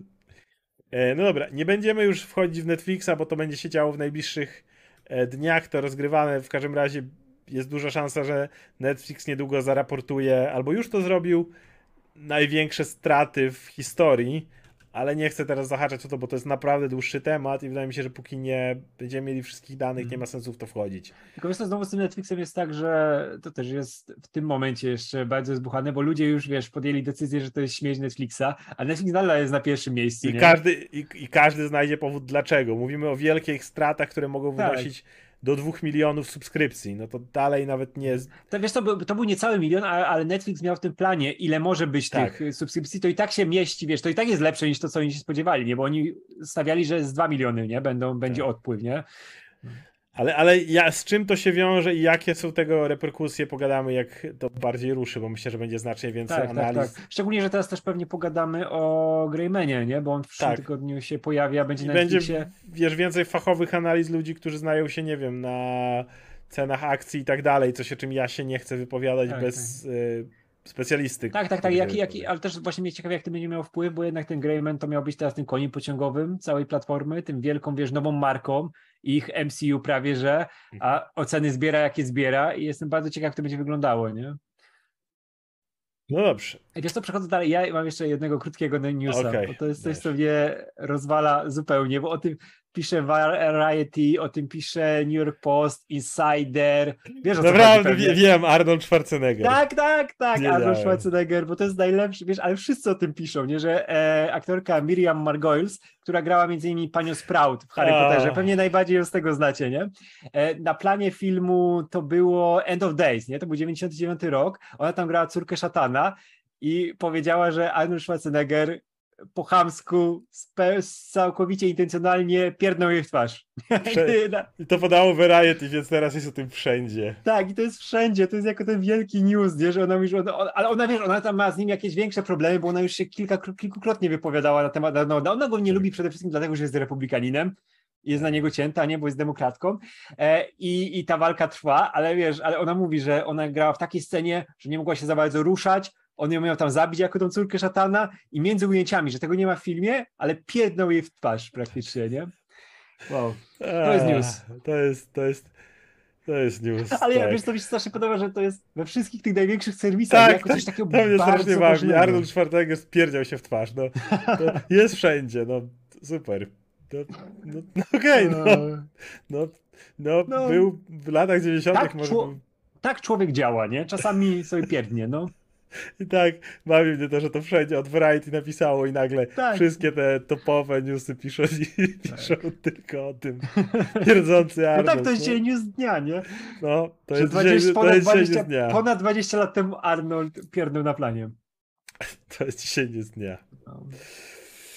No dobrze, możemy chyba przejść do pytań. Więc zaczynamy od. Od, muszę znaleźć. Okej. Generał Kenobi. Hej, strasznie nie podoba mi się, jak narzekacie na komiks The Boys. Generalnie komiks nie jest bez wad, ale zdecydowanie przesadzacie i uważam, że powinniście oddać trochę temu komiksowi, zwłaszcza patrząc, że przed nim nie było takiego pomysłu. Oj, nie było przed boysami, było multum. Kurczę, Alan Moore, Miracle Man. Nie było I mamy- pomysłu na Wiesz, No. i, w Miracle Manie tam sprawa cała, nie chcę spoilować, bo to, to jest u nas wydane, warto sobie przeczytać, tam jest sprawa z bohaterem, który robi złe rzeczy. I wow, to jest dużo lepiej zrobione niż cokolwiek, co się pojawiło Enisa w Boysach, No, nie? Był ten, lata jak się nazywał w lata latach 90. też?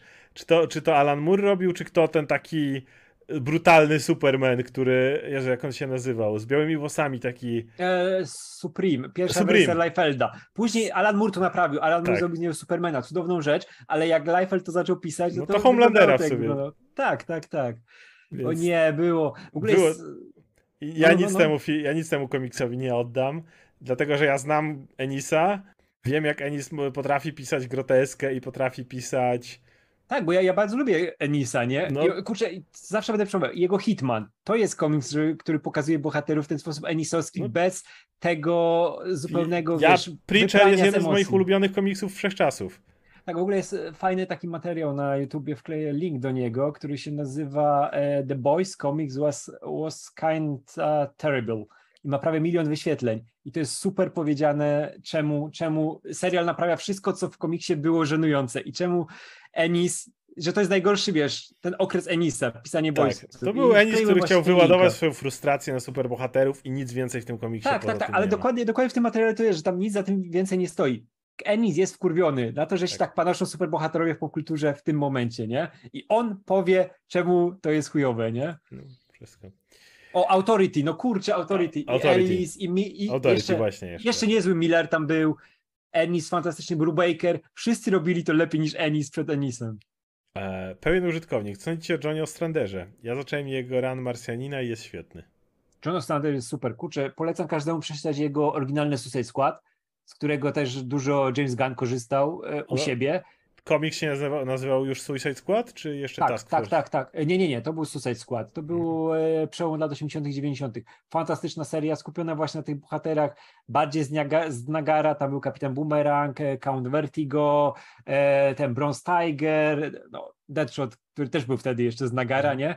I to jest tak ludzko są tam przedstawione te postacie i właśnie widać, że dużo z tego brał nie? O to, jakie relacje są między nimi, jak tą historię opowiedzieć, że oni są naprawdę straceńcami, że każdy tam może stracić życie, to było coś w ogóle niespotykanego w tamtym okresie, nie? Więc ja każdemu polecam Suicide Squad oryginalne, bo dalej robi robotę. Ja sobie przypominałem trochę przed filmem, cały run i to się czyta jednym ciągiem. Tistaj. Godzinę temu wyszedł nowy zwiastun House of the Dragon. Wygląda super. Czekacie? Czytałem Fire and Blood i może z tego wyjść naprawdę dobry serial. To znaczy sprawdzić, sprawdzę, ale czy jakoś strasznie czekam? Nie mogę powiedzieć, żebym jakoś strasznie czekał. Liczę na to, że to będzie naprawdę z pomysłem, a nie po prostu nie mamy serialu na poziomie gry o tron, więc zróbmy coś z grą o tron.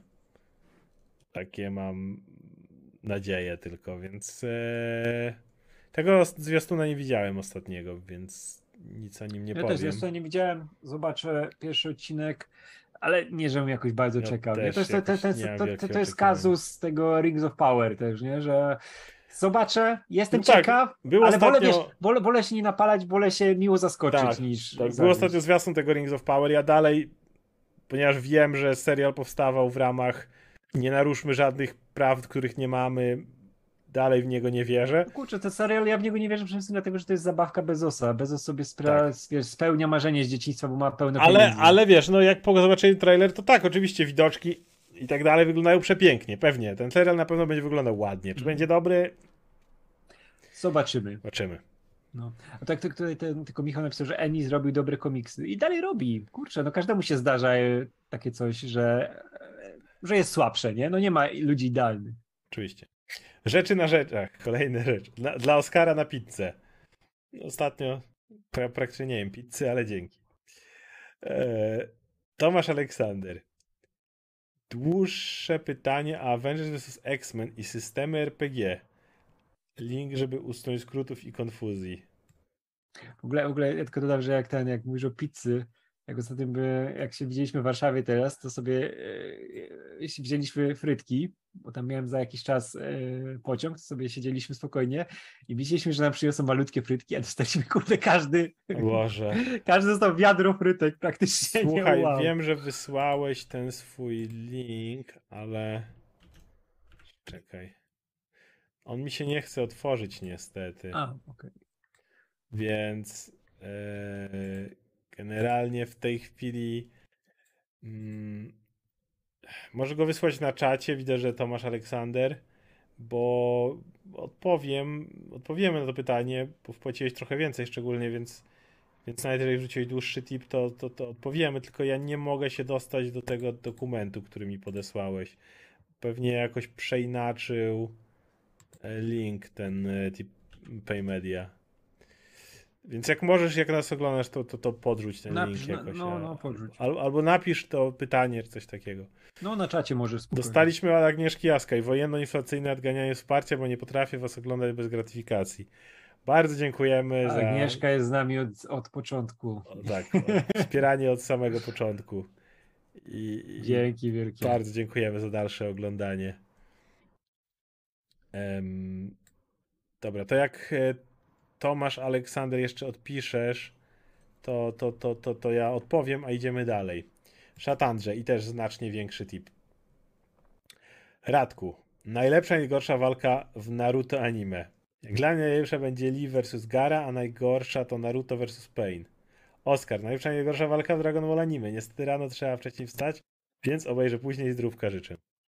Ja lubię, lubię wszystkie walki z początku Naruto, jak jeszcze były egzaminy na Chunina. Tam naprawdę było pokazanie umiejętności każdej z postaci. Każdy musiał je wykorzystywać, to co ma na podorędziu, nie? Nawet te swoje wady musiał jakoś przekuwać w zalety. I walka Gara versus Lee to jest rzecz, którą najczęściej po obejrzeniu anime i po przeczytaniu mangi sobie do niej wracałem na YouTubie, bo to jest fantastyczne, gdzie mamy tego gościa, który który ma wady konkretne, nie? On tam ma zablokowane te rzeczy, które czynią z ninja ninja, nie? Z tych, znaczy z, e, e, z tych narutowskich ninja, nie? Że on nie może pewnych rzeczy robić, ale jest jedny, jest zajebisty w konkretnej rzeczy, nie? Bez, bez używania czakry, bez tych magicznych, wiesz, mambo jumbo narutowskich, tylko musi użyć wiesz, swojej siły, treningu, wyrobienia ciała na, na, na, na najwyższy poziom i walczy z gościem, który jest najlepszy, wiesz, w kontrolowaniu czakry, który, wiesz, tam kontroluje piasek, ma super obronę, której nie można przebić i mamy całkowitego underdoga i praktycznie boga, nie? No i oczywiście underdog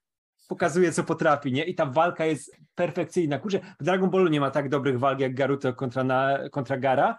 Uwielbiam to. Uwielbiam też na przykład walkę Shikemari, Shike, e, Shikem, tego, e, Shikamaru z Temari, gdzie pokazują, jakim Shikemaru jest geniuszem i ta walka trwa i trwa i trwa. I to jest gość, który praktycznie gra w szachy swoją mocą i to jest niesamowite, a najgorsza dla mnie wszystko, co się dzieje od tak od trzeciej wojny Shinobi do końca, bo tam są fajne rzeczy walki, nie wiem, jak to, co się dzieje na przykład z e, Nejim i, i, jego poświęcenie i rzeczy w tym stylu, ale to jest już tak przeciągnięte i ten cały finał też tak nudzi, więc ja dużo bardziej lubię to, co jest na początku. I cały czas mówię, że najlepsza część Naruto to jest e, próba e, tego odzyskania Sasuke, jak on tam miał trafić do Orochimaru i rusza drużyna, która się zbiera na szybko, i wow, to jest fantastyczne i każdy ma fajne walki wtedy. E, udało mi się wejść do tego dokumentu, więc zaraz poczytamy o tym Avengers vs. X-Men, ale jeszcze odpowiem na swoje pytanie. E, najlepsza zawsze będzie walka Vegety, Neijin i Goku, to, to, to, ciężko to przebić. Aczkolwiek w Dragon Ball Super jest kilka walk, które uważam, że są, zasługują na wyróżnienie. Pierwsza to jest finał wielkiego turnieju, czyli 17 Goku, Freezer po jednej stronie, Jiren po drugiej uwielbiam ten finał. Tam emocje, Freezer, który krzyczy do Goku, rzuć mną i te wszystkie rzeczy. Uwielbiam to absolutnie. E, z filmu Dragon Ball Broly, Broly kontra Gogeta, czyli to przebijanie rzeczywistości, już mhm. jakieś jak, rzeczy, które się tam dzieją, to, to, to jest absolutnie, absolutnie przepiękne. E, najgorsza to wszystko z GT. E, natomiast, e, nie dobra, nawet GT miało lepsze walki, ale generalnie, że miał być o najgorszej. E, nie lubię tego, jak. W, e, I wiem, że teraz Super Super Hero mam nadzieję, że to wróci, ale na przykład jak w tym turnieju, takim jednym z tych pomiędzy w Super, na przykład był Piccolo potraktowany chwilę, chwilę powalczył i potem Vegeta wszedł i czy tam go, mówi, ja to zawalczę za ciebie, a ty tutaj zejdź pan i walcz, bo tam tu oszukuje chłopak. E, więc nie, nie, jestem fanem tego, no ale ogólnie większość walk z GT była marna, bo wpadli na ten krytyński pomysł z odmładzaniem Goku zamiast robić inne rzeczy. Ale tyle. E, no dobra, to dłuższe o Avengers. Jak wspominacie komiksowe Avengers vs. X-Men? Osobiście chyba mój ulubiony komiksowy event. Okej, okay, ja uważam, że jest jeden co gona, ale zobaczymy. Pewnie dlatego, że od niego zaczęła się moja przygoda z komiksami. No okej, okay, no to wprowadzało do Marvel Now, nie? To świetny finał historii X-Men od House of M, gdzie konflikt jest faktycznie ideologiczny. Niektórzy X-Men stają po stronie Avengers i vice versa, a nie biją, bo się biją Civil War 2. Wykorzystujący już postawione plansze pionki i zasady, a nie robiący taniego Deus Ex Machina. Bardzo podoba mi się wizja Avengers jako policjantów wśród bohaterów, bo czy koleś ubrany w flagę USA mógłby w dzisiejszym świecie nie być legalistycznym dupkiem spychającym prawa mniejszości na dalszy plan. Cyclops nie wiem jakie słowo e, i Cycl Cyclops coś i Cyclops tuż przed AVX to moje dwie ulubione postaci Marvela. Sam koncept jego lat z Kapitanem Ameryką można było długo ciągnąć. No można było i zrobić lepiej. Ten event, event to perfekcyjny pomysł na bijatykę, tylko nie kończyć jej tkliwym kompromisem. Stawany zwycięzcą Avengers bądź X-Men wedle woli gracza. E, eventy nie mogą się tak kończyć. Dodatkowe plusy to świetna poboczna seria A plus X. E, nowe postacie z Phoenix Force, bądź szczerzy, to zawsze jest cool, gdy na kogoś, kto nie jest Jean Grey, wchodzi Phoenix. Ustanowienie Marvel Now, które chyba wszyscy wspominamy dobrze, o ale się rozpisałem, to was podcast przecież.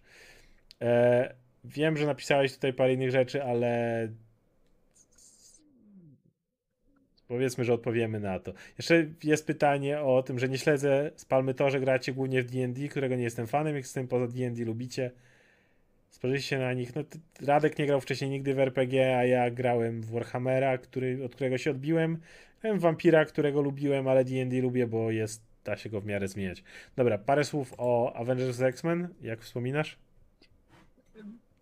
Pierwsze, prawie nie pamiętam tego eventu. On tak szybko z głowy wylatywał, że masakra. On był po prostu robiony pod to, że musimy mieć nowe otwarcie, musimy mieć Marvel Now, zróbmy tą bijatykę wielką, a wtedy był taki przesyt tymi bijatykami, bo co chwila mieliśmy te wielkie eventy, gdzie ktoś się napieprza. Mieliśmy Axis, wcześniej mieliśmy Secret Wars, nie? Tam, Secret Invasion, wszystkie te rzeczy się tak skumulowały, że ja byłem tak zmęczony przy Avengers vs. X-Men i tam też ten sam koncept był ok, ale nie był wykorzystany w tym komiksie zupełnie. Mieliśmy też te serie, które były właśnie jak taki ciąg bijatyk, gdzie była ta dodatkowa Avengers vs. X, tak, gdzie mieli walczyć i o, teraz ten wygrał, o, teraz ten wygrał, nie? I nie, to było strasznie dużo, tam było dużo więcej mięsa, nie? Ta całe, cała rzecz z Phoenix, że dostali Ho- moce. rozmowa robili. Hope i Spidermana. Tak, tak, tak. Tam, tam były, były fajne elementy w tym, nie? Tak samo ja bym lepiej zobaczył, jeszcze lepiej rozwinięty konflikt z Cyclopsa z Capem, bo to jest tych No. dwóch głównych przywódców, nie? Którzy chcą mieć Tak. pełną kontrolę nad tym, co robią, a tu są postawieni w tej sytuacji, gdzie wiesz, mają za sobą wielkie armie, nie? Które się mają, największe armie na świecie praktycznie, nie? Mutantów i wszystkich tych, którzy stoją za Avengers.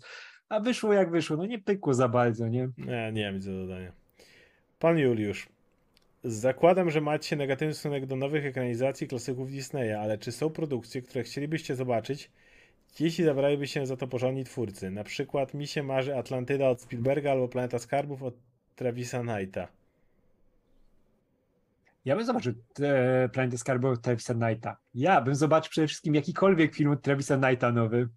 Bo kurde, Bumblebee to jest arcydzieło kina No. rozrywkowego i gość powinien więcej robić. Ja nie wiem, czemu on jeszcze, wiesz, Nie wiem, czemu nie dostał ten- jakiegoś filmu fajnego. Nawet z Transformers czemu nie próbowali w jego stronę pójść? Jak no bo idą, wiesz, idą, idą znowu w bajowskie rzeczy i w, tylko w Beast Wars teraz będzie.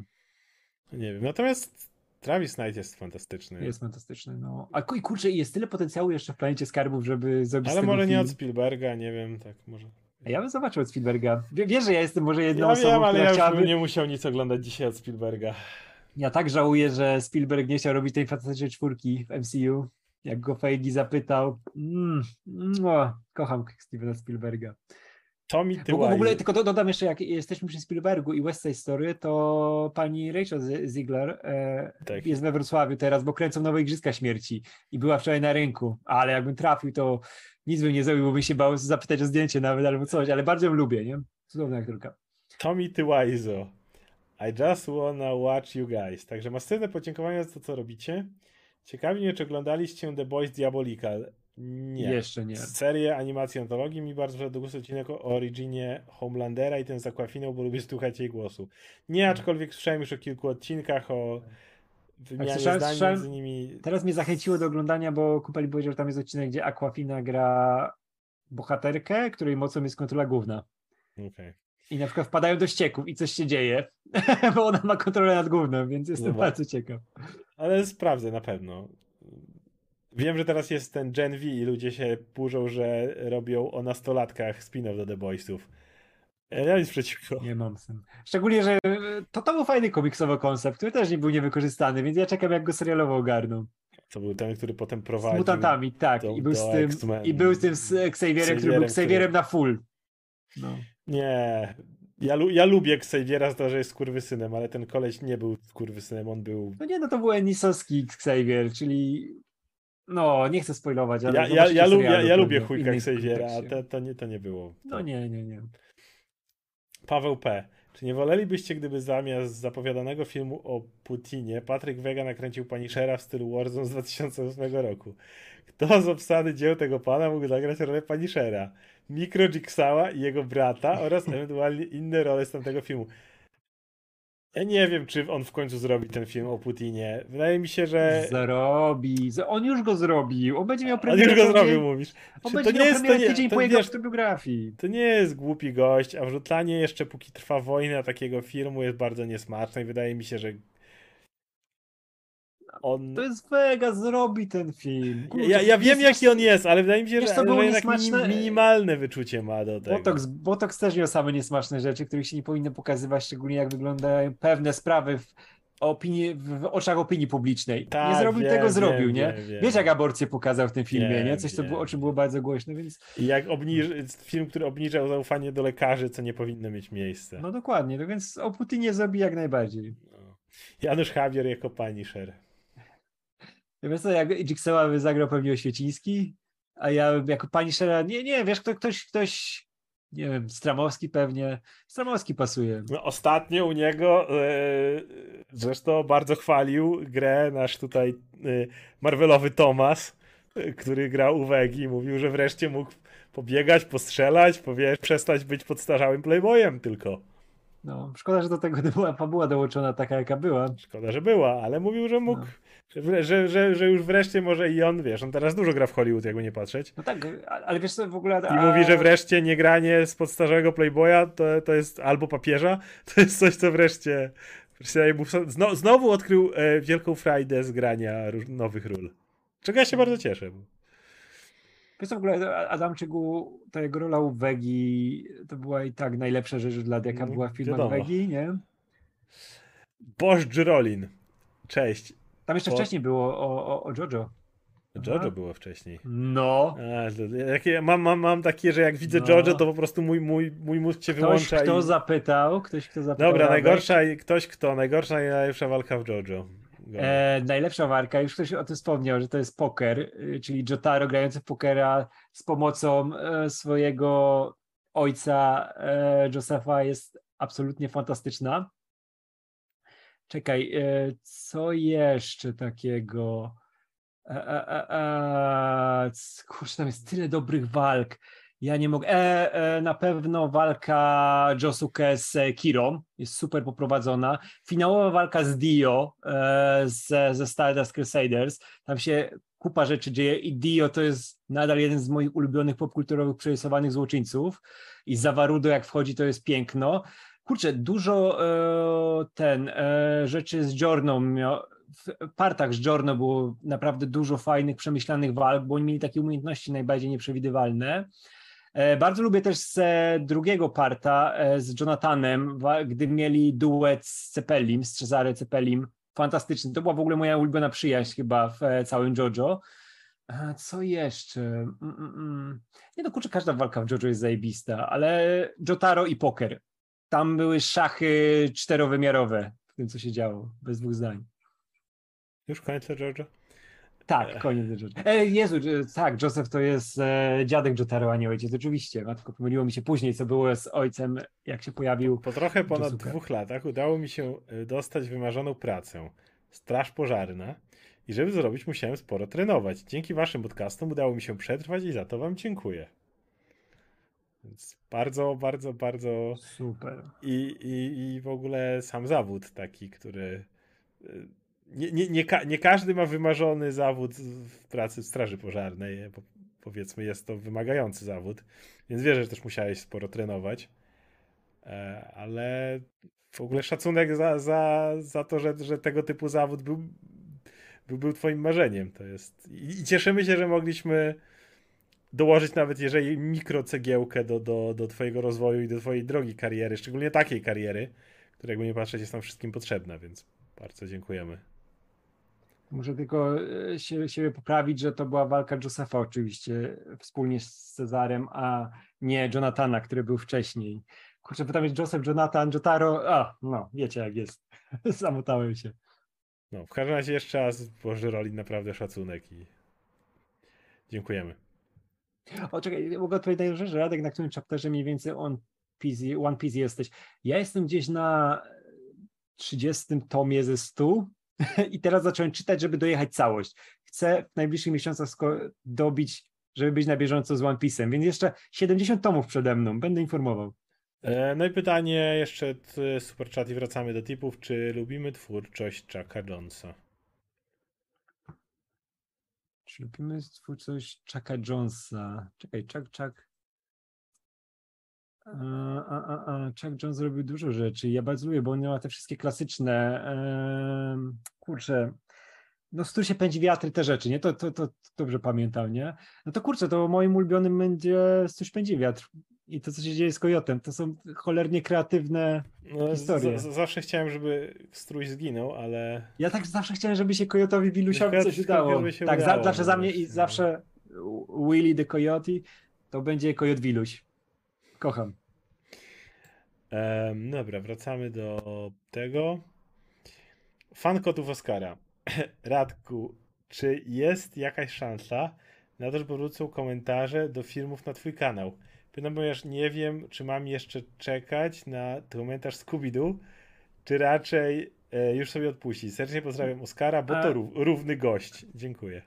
Nie, kom- komentarze wrócą na pewno, bo też poczułem teraz wielką potrzebę, żeby do tego wrócić. Kurczę, bo nie miałem czasu, żeby cokolwiek robić w tym kierunku i na razie to leżało odłogiem, ale mogę powiedzieć, że nie powiem kiedy dokładnie, ale będziemy robić komentarz z Jankiem do Face Off, bo jest, o ile dobrze pamiętam, na HBO Max, a ja bardzo chcę wrócić do tego filmu i postanowiliśmy, że sobie nagramy. Bo w ogóle z Jankiem nagraliśmy Rzeczy się dzieją, podcast, wracając z lasu, przemoczeni. Janek miał akurat rzeczy do nagrywania i w samochodzie nagraliśmy. To będzie pewnie jakościowo rzeźnia, ale mieliśmy potrzebę, żeby sobie pogadać do mikrofonu i będzie, będzie odcinek Rzeczy się dzieją w ciągu tygodnia jakoś. I tam zapowiadamy zresztą, że Face Off nagramy chyba, więc Boże, właśnie na będzie. deadline pojawiła się informacja, że sequel Mortal Kombat jest tworzony i ten sam reżyser powraca za kamerę. niech powraca. Niech robi. Ja nie film- dla mnie. Ten film przestał mnie interesować. Gdyby był inny reżyser, to może bym sprawdził, ale Nie czekam zupełnie. już mam gdzieś ten film na tym etapie. Em, jedziemy dalej. Pan Juliusz. Ostatnio Multikino ogłosiło, że wyemituje Dragon Ball Super Super Hero. Czy planujecie się wybrać i nagrać jakiś materiał? A jak już jesteśmy w klimatach chińskich bajek, Żadek nadrobił Belly Jujutsu i czy planuje wrócić do Attack on Titan? Co do pierwszej części tego, to mówiliśmy na początku materiału, że jedno i drugie tak, czyli planujemy się wybrać i planujemy zrobić materiał, jeśli faktycznie będą dostępne napisy, bo nie chcę oglądać z dubbingiem, ale jeśli będzie opcja zobaczenia z napisami, to planuję się jak najszybciej wybrać i planujemy nagrać materiał o, o Super Super Hero. A reszta jest do ciebie. Eee, niczego nie ruszałem, nie nadrabiałem, niestety. A czy planujesz wszystko do Attack on Titan? E, Planuję, planuję, ale to planowanie naprawdę długo trwa. Bo oni mnie zamordowali tym, że mieli przerwę parę lat. Ja oglądałem sobie fajnie, wszystko było super. Ula też oglądała ze mną fantastycznie i nagle dup. Parę lat przerwy i później już nie wróciłem. Ale muszę wrócić. Obowiązkowe piłkarskie pytanie, no to jest coś, o czym nawet ja słyszałem. Lewy w Y, Barcelonie. Ja się, ja się bardzo cieszę, wiesz co, bo ja y, nie jestem fanem Barcelony. Y, Inter Mediolan i Barcelona to kluby, których od serca nienawidzę, bo jestem fanem Realu Madryt i AC Milanu i jakiekolwiek transfery do tych klubów mi bardzo bolą, ale że to Polak Rodak, inaczej na to reaguję niestety, bo to jest zawsze takie się coś odpala, nie, że o, naszemu się udało, nie, chłopak tutaj, wiesz, gdzieś tam z Warszawki, który tam z Niczu grał, później w Lechu Poznań i nagle w świecie, teraz w Barcelonie, pierwszy Polak w Barcelonie, nie, mieliśmy Polaka już w Realu, Mieliśmy Polaka w Milanie, mieliśmy Polaków w największych klubach, nie mieliśmy Polaka w Barcelonie i teraz nagle lewy. Wow, co tam się będzie działo? I ja chcę zobaczyć walkę e, o króla strzelców La Liga między Karimem Benzemą a Robertem Lewandowskim. To będzie coś niesamowitego. I kurczę, dostał królewski kontrakt na parę lat, więc ja się bardzo cieszę, że będę mógł go poglądać. Nawet w Barcelonie, niech już, niech już tam gra. Jeszcze odbiję, e, czy- bo widzę na czacie, pogadaliśmy o tym ostatnio, czy Cobra Kai ktoś oglądał. Tak, ja jestem wielkim fanem. Liczę na to, że Radek nadrobi Cobra Kai i może jak we wrześniu wyjdzie kolejny sezon, to będziemy mogli o nim pogadać. O, zobaczymy, ale chcę nadrobić. Jak, a ty Ted Lasso zobacz. No, jak zobaczę. Eee, dobra, więc było pytanie o lewego do Barcelony. Pozdrawiam napis końcowy. Mister Miszar. Live z 20.07. No to, to dzisiaj. Dua Lipa ponoć jest w rozmowach, by zagrać za Tanę. Nie słyszałem.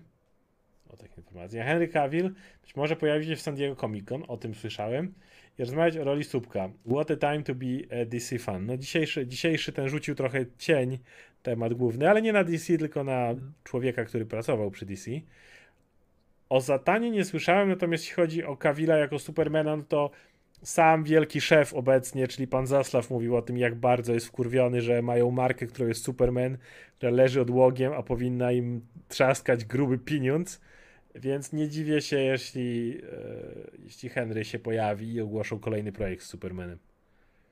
A No, co sądzisz, e, że gdyby Dua Lipa miała zagrać Satanę? Znaczy, nie, nie, nie, nie widziałem, czy ona w czymkolwiek grała, czy, czy to jest przykład po prostu piosenkarki, która. Chyba nie, no pewnie chcę zacząć karierę jak wielu piosenkarzy, ale to jest bardzo ciekawe, bo to jest utalentowana artystka, plus e, wiemy jak wygląda teraz kariera aktorska Lady Gagi, która jest naprawdę tak. fajna, nie? Nominy, tutaj Oscarowe rzeczy, tutaj jedyna ciekawa rola w Gucci, obok Jared Leto, który zawsze ma ciekawą rolę w różnych kontekstach, ale zawsze jest ciekawa i ona też tam zagrała konkretnie, więc czekam, czemu nie? Michał Kaczmarek, Tom Taylor czy Jonathan Hickman? Eee... Kto, kto, kto? Wy, wy, wy, wybierz, e, plus wymieńcie proszę wasz ulubiony komiks, serię każdego z nich. Taylor czy Hickman? Byś miał wybrać jednego. Z... E, Chyba Taylor. Nie, Taylor, Taylor. Ja wybieram Taylora, bo on jest Taylor. na emocjach mi bardziej gra. No. Ja lubię, lubię Hickmana jako tego inżyniera, który Tak, jako gościa, jak, jak zrobi coś, to zrobi ci tak, tak, ja uwielbiam jego te, te, jego wielkie historie, nie? On tak. odrestaurował zresztą czwórkę, e, zrobił z Avengers niesamowite rzeczy. Secret ale Wars, nie? Tak, ale Całe. u mnie zawsze... No teraz X-Men Krakoa. Tak, tak, tak. To tutaj u mnie już mniej ta Krakoa, ale i tak to jest kupa roboty, kupa researchu, kupa przygotowań, więc ja jestem zawsze pod wrażeniem i to są dobre rzeczy, nie? Ale jeśli mam wybierać, no to sercem zawsze i Taylor, nie? No, A moją w ogóle ulubioną rzeczą Hickmana nie jest nic z Marvela, tylko na wschód od zachodu. Zresztą Mucha okay. nas ostatnio wydała, gdzie mamy jeźdźców apokalipsy w postapokaliptycznym westernie i fantastyczna rzecz, polecam. Znaczy ja Hickmanowi jestem obecnie bardzo wdzięczny za obecną fazę Krakoi, bo ją bardzo lubię, ale to nie, nie byłby mój ulubiony komiks. Musiałem się zastanowić u Hickmana. No ja, ja u niego nigdy nie. Ja u niego ciężko mi wymienić jego pojedyncze rzeczy. Ja po prostu lubię te jego o, plany ogromne, nie? Ten jego wielki. Bo ta, chyba z samego komiksu bym powiedział, że fantastyczna czwórka. Natomiast e, i tak uwielbiam jego te duże rzeczy. Nawet jeśli chodzi o Taylora, o kurde, wybrać ulubiony komiks Taylora. To będzie trudne. E, ulubiony komiks Taylora. A... Kurde, nie, tego jest za dużo. Mm -mm. Nie potrafiłbym. Wiesz co, teraz jak zacząłem myśleć, co, co ten, to mi się te najbliższe, które napisały, nasuwają, bo tak, ale... Nightwing, który jest absolutnie tak, genialny. Tak, czytam teraz. No, nie, nie, stale, ja wszystko łykam Taylora, nie? Taylor to jest no ja mój właśnie, Rosenberg. No właśnie ja też i dlatego nie potrafiłbym wybrać jedynego. Jeszcze jest, jedno trzeba Snyder, Snyderowi przyznać, tak zacząć postać Supermana w kinie, żeby Warner bało się cokolwiek zrobić, to jest jednak sztuka. Czyli to, o czym mówiliśmy. No tak, no. To, to, to prawda. Superman no nie miał szczęścia do filmów po tym, jak Christopher Reeve raz zagrał. Później już nie było szczęścia do Supermana. Miejmy nadzieję, że to się poprawi. Mateusz Mikulski, czego nie lubicie w swojej pracy? Możesz wymienić jakąkolwiek swoją pracę. Możesz powiedzieć swoją pracę dzienną, możesz wymienić napisy końcowe, możesz wymienić spalmy to. Pracach e, I w dziennej, i w... Ja, ja robię, przede wszystkim robię za dużo rzeczy naraz i nigdy nie mam czasu. I, jeśli, I ja też na przykład y, mam tak, że jak jestem nastawiony na robienie rzeczy i na myślenie, to nie mam czasu spać i to jest najgorsze, bo powinny się wysypiać, a ja zawsze wolę robić coś w tym czasie i to czuję taki przymus wewnętrzny od siebie, że muszę coś robić, muszę, mm. wiesz, jakiś research, coś czytać, coś popisać, coś porobić, więc e, tego najbardziej nie lubię, tego takiego zafiksowania się, że cały czas muszę robić, nie? Coś, nie? coś, coś. No. no. ja mam tak, ja nienawidzę tego, jak mam prokrastynację, czyli motyw, w którym siedzisz i masz duże rzeczy do zrobienia i ponieważ masz, A, ja też tak. robię parę projektów na raz i to przez to, że robię parę rzeczy na raz, to mam takie, że teraz muszę regularnie, codziennie tworzyć na przykład drugą kampanię. Na dzień przed sesją, to ja mogę ci napierdalać cały dzień, siedzę taki nagrzany, po prostu ci wszystko ułożę. Ale zmuszanie się codzienne do robienia codziennie pracy, której efekty zobaczysz dopiero za kilka miesięcy, to dla mnie jest męczarnia każdego dnia. Nie dlatego, że mi się to źle robi, nie dlatego, że nie chcę tego robić, tylko ja mam, mam tak duży problem z przestawieniem się na to, żeby robić coś w tym rodzaju, co na przykład ogarnięcie nawet y, materiałów do napisów końcowych, zwykle i tak musisz je ogarnąć tego samego dnia, co są, no bo inaczej się newsy zdeaktualizują. Więc żaden problem. Robię to z przyjemnością, siedzę, otwieram, czytam, wchodzę w research, mogą mnie tym godziny zatywać, a ja mam super Friday. Ale po prostu robienie tego z dużym wyprzedzeniem, przygotowywanie rzeczy jest dla mnie upierdliwe. No. Ja też mam to, że ja, wiesz, skaczę po wielu tematach i wiele zainteresowań chcę przekuć na coś do roboty I Mhm. później mi się bajzel w głowie, jak dzisiaj Jojo, moja najkochańsza rzecz, nagle, wiesz, wszystko pomyliłem, jest mi wstyd. I to też jednak siada, że masz taki przesyt, dlatego czekam bardzo na e, urlop, żeby, wiesz, odciąć się na No. tydzień i to jest zawsze najlepsza rzecz w roku. Tydzień odcięcia się od wszystkiego. Uff. Flash Zordon. Pytanie do Radka. Jeden. Czy niebieski wojownik Billy z pierwszych Power Rangers przechodzi jakąś drogę? Tak, Billy, Billy był w ogóle najciekawszą postacią e, w Power Rangers oryginalnych i to jest bardzo fajne, że on w pewnym momencie zostaje tym, e, który nadzoruje działania innych, bo tam wiadomo, że też inne zakulisowe rzeczy nie, się na to złożyły, nie? ale ja bardzo lubię ten moment, kiedy on oddaje e, ten Power Coin, przekazuje ją Aiszy, już trzeciej żółtej wojownicy, która wtedy była w okresie Mighty Morphin. I zostaje tym gościem, który nadzoruje, który współpracuje tam z Zoldonem, z, z Centrum Dowodzenia, z Alfą. I później ma ten moment, że znajduje sobie partnerkę, leci w kosmos, nie wiadomo co się z nim później dzieje, ale na pewno ma szczęśliwe życie, więc e, Billy jest najbardziej rozwiniętą postacią ze wszystkich, nie? Czego mi brakowało w tych, którzy na przykład doszli, w ogóle we wszystkich innych mi tego brakowało, nie? I z Jasonem, który szybko zniknął, jeśli chodzi o seriale, i z tymi, którzy ich zastąpili później, tą oryginalną trójkę, nie? Z Adamem, z, e, z Aishą i z, mm, mm, i z Adam, nie czekaj, Rocky, Adam i Aisha, nie? Oni też nie byli rozwinięci, a Billy był cały czas i z nim się najwięcej działo. I dlatego uwielbiam to, co się dzieje w komiksach, które wydaje Boom Studios, bo tam każda postać została rozwinięta i Billy ma cudowne arki w tym, w tym To jeszcze komiksie. cztery pytania o Power Rangers szybsze. Czy Zordon przez całe życie był głową w walcowatym akwarium? Nie, nie, nie. Zordon miał na swojej planecie, miał ważną rolę, był policjantem kosmicznym w pewnym stopniu i polecam każdemu e, serię Mighty Morphin i Power Rangers, które teraz wydaje Boom Studios. Można je z marszu zacząć czytać. Tam jest cała historia Zordona przedstawiona przed tym, zanim e, trafił do tego, do, do, do, do tej tuby jako głowa. I to jest naprawdę rozwinięte, to jest jak John Carter albo jak Tolkien, to co się działo wcześniej z e, jego, z jego światem. Co sądzisz o postaci Alfa? Aj, aj, aj, aj, aj. E, Alpha w serialu był zupełnie niewykorzystany, bo to był ten śmieszny robot. Jest dużo lepszy w komiksach. Czy kitowcy mają świadomość? Nie, kitowcy są kitowcami. Są, z kitu i po prostu robią. I, I ci pierwsi kitowcy jeszcze byli spoko, bo ich było ciężko pokonać. Ta wersja Z, od Zeda była do dupy, bo im wystarczyło celować w Z i oni się rozpadali. W ogóle mam tam na półce kitowca i stoi, jest przepiękny. I za co lubisz Power Rangers? Eee, że to jest super koncept. To jest za dzieciaka to jarało, bo tam było wszystko. W ogóle ostatnio, teraz jak byłem w Warszawie i z, z Arturem, moim e, wielkim przyjacielem, obejrzeliśmy sobie wieczorkiem, gdy już e, było po paru procentach, powie- powiedziałem, ej, zobaczmy jakiś odcinek Power Rangers, nie? On, on wybrał odcinek, to był Power Rangers Zio, gdzie się pojawił złoty Ranger i nagle jest tak, walczą z kitowcami, jest super, nie? Później trzeba wezwać Zordy, bo się potwór pojawił. Jest super, nie? Już wjeżdżają Zordy, napieprzają Zordami. Nagle Zordy się podnoszą, zamieniają się w Megazorda. Nic się więcej nie stanie, nie? To już jest full tego, co można zrobić zajebistego. Nagle Złoty Ranger, który był specjalnym Rangerem, oni są najlepsi, wjeżdża pierdoloną piramidą. Wjeżdża wielka piramida, która zaczyna się transformować i ten Zord, który już myślałeś Megazord, myślałeś, że jest już największy, co może być, właduje się do tej piramidy i ta piramida była większa niż te wszystkie Zordy, bo one się tam po bokach pochowały, nie? I nagle wyszło jakieś cholerstwo wielkie, które nawalało całą mocą kosmosu chyba, nie? I my byliśmy zachwyceni tym. I Power Rangers dostarczało po prostu. Plus e, to jednak był e, footage japoński, te sceny walk, nie? A wiadomo, że Japończycy zawsze robią lepsze sceny walk niż Amerykanie i to cały czas dobrze wygląda, nie? No ale wiadomo, że to było dla dzieciaków robione i po latach się ciężko tego wraca, więc każdemu polecam, tak jak mówię już milion razy, komiksy, które są fantastyczne. To, co teraz odwala z tym boom, to jest kosmos.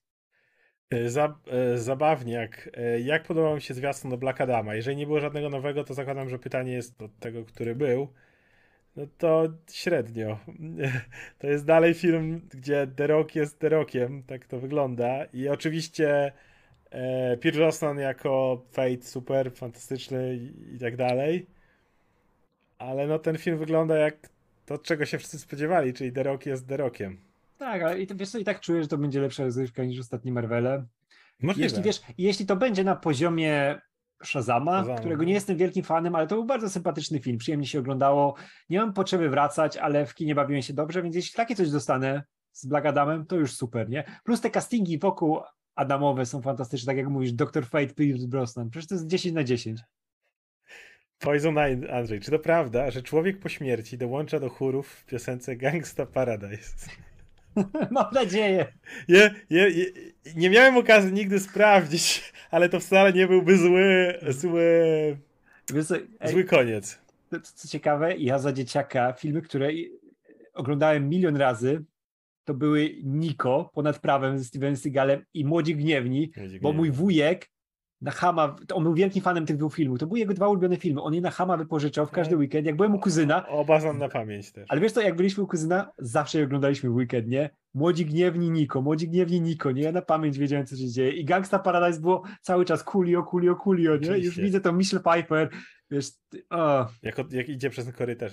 tak, tak, tak, wiesz, skórzana kurtka, Tak. nie? Ustawia ich po kątach, to dzisiaj Młodzi Gniewni, ja miałem przez lata to w głowie jak arcydzieło, wróciłem sobie parę lat temu i mówię, okej, nadal niezły film, który Nie pokazuje ci wracałem. Amerykę tych czasów, ale nie był tak dobry, jak go zapamiętałem, oglądając go setki razy, nie? E, Mia Khalifa, pytanie. Poz- pozdrowienia od fanki. E, mam dwa pytania. To zawsze wszyscy wiedzą o co chodzi. Jeden. Wyglądacie już wiekowo, dzięki. A ostatnio był one shot o PRL 77. Żeby wiedzieć młodej, jak to było dla PRL.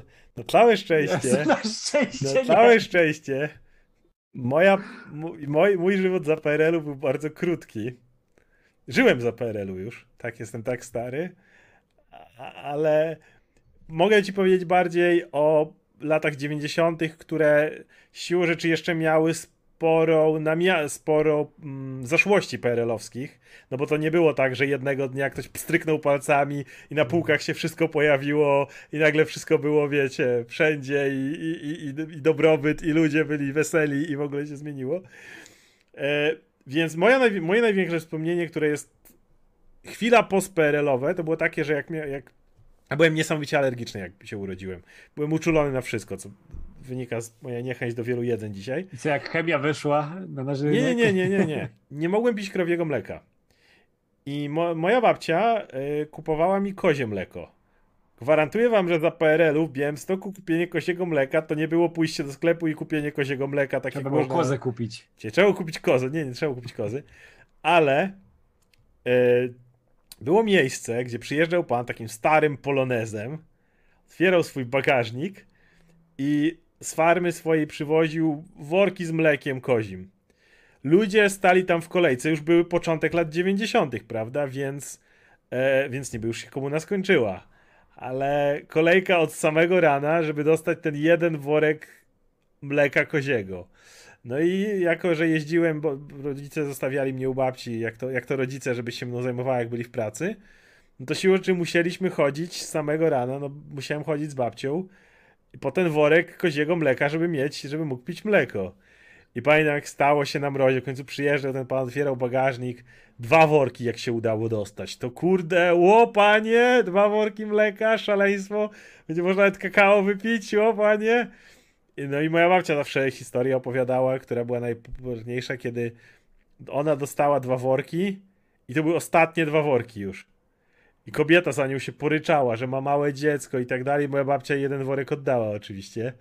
To moja babcia była. Bo dla nią kobieta po prostu pa- padła w płaczu, że nie zdążyła dla dziecka małego, nie? Które też najwidoczniej nie mogło inaczej jednego worku, worka koziego mleka kupić. A ja tu mówię o samym początku lat 90., więc to jest tylko nawet rzucenie co do tego, jak było wcześniej. Jak było wcześniej, nie wiem, bo byłem za mały, żeby cokolwiek pamiętać.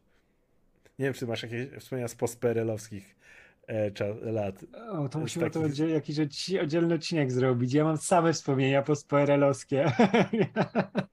Ja mam milion, ja, wiesz, ja, ja za dużo rzeczy pamiętam w życiu i za wczesne nawet jakieś, więc ja bym mógł gadać i gadać. O matko, nie, nie, nie zaczynajmy tego, bo nie wyjdziemy stąd dzisiaj. Zrobimy o tym jakiś odcinek o wspominkach. I e, Mateusz Mikulski, czy polecimy jakieś komiksy z Torem?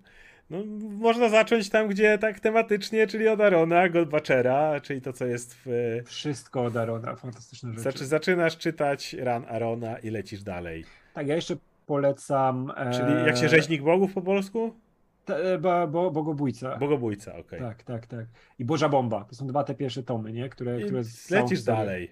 I lecisz dalej, będziesz się super bawił, aż do War of the Realms i tego, co po tym jeszcze, bo tam też się dzieją To rzeczy. jest dobrze. Tak, ja jeszcze Ciebie polecam e, Ragnarok Michaela Oeminga, który był, gdy było e, Avengers Disassembled. Tak. Nie chwilę przed New Avengers Jak było bogowie Ragnarok giną, pokazany. Tak, jest- i to było fantastyczne. E, I jeszcze polecam Dana Jargensa okres, gdy Thor przejął Odin Force i był królem Asgardu. Tak To jak się Iron chwilę- nawalał, bo go zdenerwował. Tak, to było tak, po tak, Civil War. To nie, nie, nie, to było przed Civil War. Przed, przed, przed. A, przed, bo to weszło w Civil War, bo oni Ta, potem tak, mają tak, ten- tak. To, było, przed- to była końcówka tej serii Jorgensa, która się Tak, zaczęła tak, na tak, początku wieku, nie? To jak I on jeszcze- był wkurwiony, że go sklonowali potem. Nie, nie, nie, to już później, to ty o Staczyńskim mówisz. A ja mówię o Staczyńskim, faktycznie. Tak, nie, bo wcześniej był Jurgens, on był tam, było wszystko w Asgardzie. się Wiem, on był królem e, z on tam miał, e, to był ten motyw, gdzie Enchantress, y, miał- on miał chwilę z nią romans. e, Tak, to było to. I tam były super rzeczy, on był takim na full królem, nie? Rządził w Asgardzie. I właśnie królem Staczyńskiego... wikingów typowo. Tak, i jeszcze wiesz co, polecam Staczyńskiego, który u nas teraz wyszedł. Staczyński jest fantastyczny. Rysunki Koipela, e, Thor w Oklahomie, bogowie w Oklahomie, e, siedzą sobie z ludźmi, nie? To pierwszy film z Torem z tego pożyczał sobie Mhm. rzeczy, więc to też polecam. E, Maka 111, Dua Lipa, Henry Cavill zagrał w filmie Matthew Vaughna Argyle. A tak, tak, tak, to też słyszałem. Może stąd te plotki. No to w tym ra- w tym momencie mniej im wierzę. I jeszcze od Bibru 78 Radek oglądasz serial MacGruber. Tak, oglądałem pierwszy, pierwszy sezon i bardzo mi się podobał. Nie jest e, to już to uderzenie co film, bo ja jestem absolutnym fanatykiem filmu, jak Christopher Nolan, trzeba to pamiętać, ale serial jest bardzo dobry. Polecam każdemu, bo nie, nie trzeba filmu oglądać do serialu, ale lepiej zobaczyć film, a później serial, bo jest krótki, a intensywny i super zabawny. W Eternals, jeszcze jeszcze pytanie było, w Eternals jest, że byli inspiracją dla greckich bóstw, to 4 widzimy prawdziwych bogów, wód, błąd, ciągłości. Szczerze niekoniecznie. Wiesz co, oni Je- mogli wi- Żeby wpływać... nie spoilować więcej, no to widzimy Zeusa, e, ale, i Dionizosa przez chwilę. No, ale, Ale jest... wiesz, wiesz, jak to jest? To jest tak, że e, bogowie byli i oni mogli być połączeni z tym, że oni są tymi bogami, którzy Tak. zeszli na ziemię, bo oni schodzili, wiemy, że Zeus sobie tam siedział, czasami coś No. odpieprzył, ale oni mogli być wzięci za nich, nie? I po prostu No. przenieść... W komiksach też jest tak, że się znają i że jest Tina, która mówi, że od niej jest e, Ateny i tak dalej. Jest rzeczy powiązane w ten sposób. E, Okej, twój... E, Tak, bo jest, bo jest też Fa- Fastos, który jest Hefajstosem, bo też robi rzeczy. tak. No. Roberto Baggio. Ostatnio przypomniałem sobie film Forrest Gump jest nam powiedziane, że życie jest jak pudełko czekoladek. Znam ten cytat na pamięć. Nigdy nie wiesz, co ci się trafi. Jest No. to piramidalna bzdura. Przykład, kiedy odpalam wasz film, wiem, że na co trafię. To znakomity materiał. O, jaki cukier? A się gorąco zrobiło, Jaki cukier? no. To była najmniejsza rzecz, jak ktoś nam napisał od dawna. Wszyscy, No, Wie, wielu, wiele osób napisze cudowne rzeczy, ale tu jestem pod wrażeniem tej puenty. Tak. myślę, wow. bardzo, No. bardzo dziękujemy. Em, e, Mateusz Mikulski, dlaczego Con Air to najlepszy film z Cage'em? Ja nie uważam, żeby Con Air Nie był najlepszy najlepszym film z filmem z Cage'em. Najlepszym ogólnie filmem z Cage'em jest Zostawić Las Vegas, Zostawić Las Vegas, to nie ma które dostał. Oscara.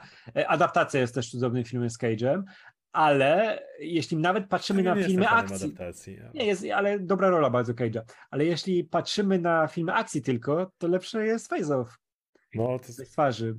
tak. Tam jest John Woo, Ale, ale z- Conner bardzo lubię, jest sympatycznym filmem. Pewnie, ale nie, zostawić Tak, Vegas. tylko na, nawet w Conner ciekawszą postacią od niego jest oczywiście John Buscemi, który gra psychola wstecznego. I Bibru 78. Ja za dziecka piłem mleko prosto od krowy. Bezpośrednio w kubek z cyca. Jak podrosłem i wyrosłem z moich alergii, to jak jeździłem do dziadka na wieś, przy, przy morzu mieszkał na takiej wsi, żu- 70 km od Bałtyku, więc też mogli sobie nad morze podjechać, ale tam życie wiejskie trwało, to oczywiście nieraz szło się do sąsiadki, sąsiadka siadała do kubka, można było się napić. Więc. O, przepraszam. Więc jak wyrosłem z tych. Zack Snyder już E, pełnicy. jak Snyder, panie, co pan opierdoli? E, to tak, to, te, to też miałem okazję tak pić. A wiesz co, ja, ja w ogóle jak ten, jeśli chodzi o mleko, to ja właśnie piłem tak od krowy, że wydojono, sam wydoiłem. Wiesz, nie, ja wiadro, sam nie doiłem akurat, ale. A ale... nie, ja doiłem i jeszcze ten, tam jakaś czasami mucha wpadła, to się wyjęło, żeby się napić. o wiadomo. Tak, tak. A później się brało jeszcze ten szmatę i się, wiesz, wywalało te wszystkie flumfry, które tam wpadły.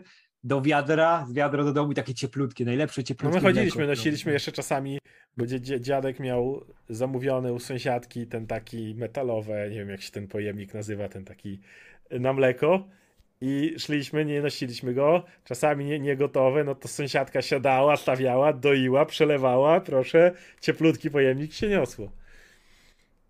Kurczę, powiedziałem John Buscemi zamiast Steve Buscemi, przepraszam, dzisiaj mam jakieś... John. Jakby John Buscemi pojawił się jako psychol w Conner, to by był zupełnie inny Okej. film. Dan Shot, czy można być idiotą i czytać książki Olgi Tokarczuk?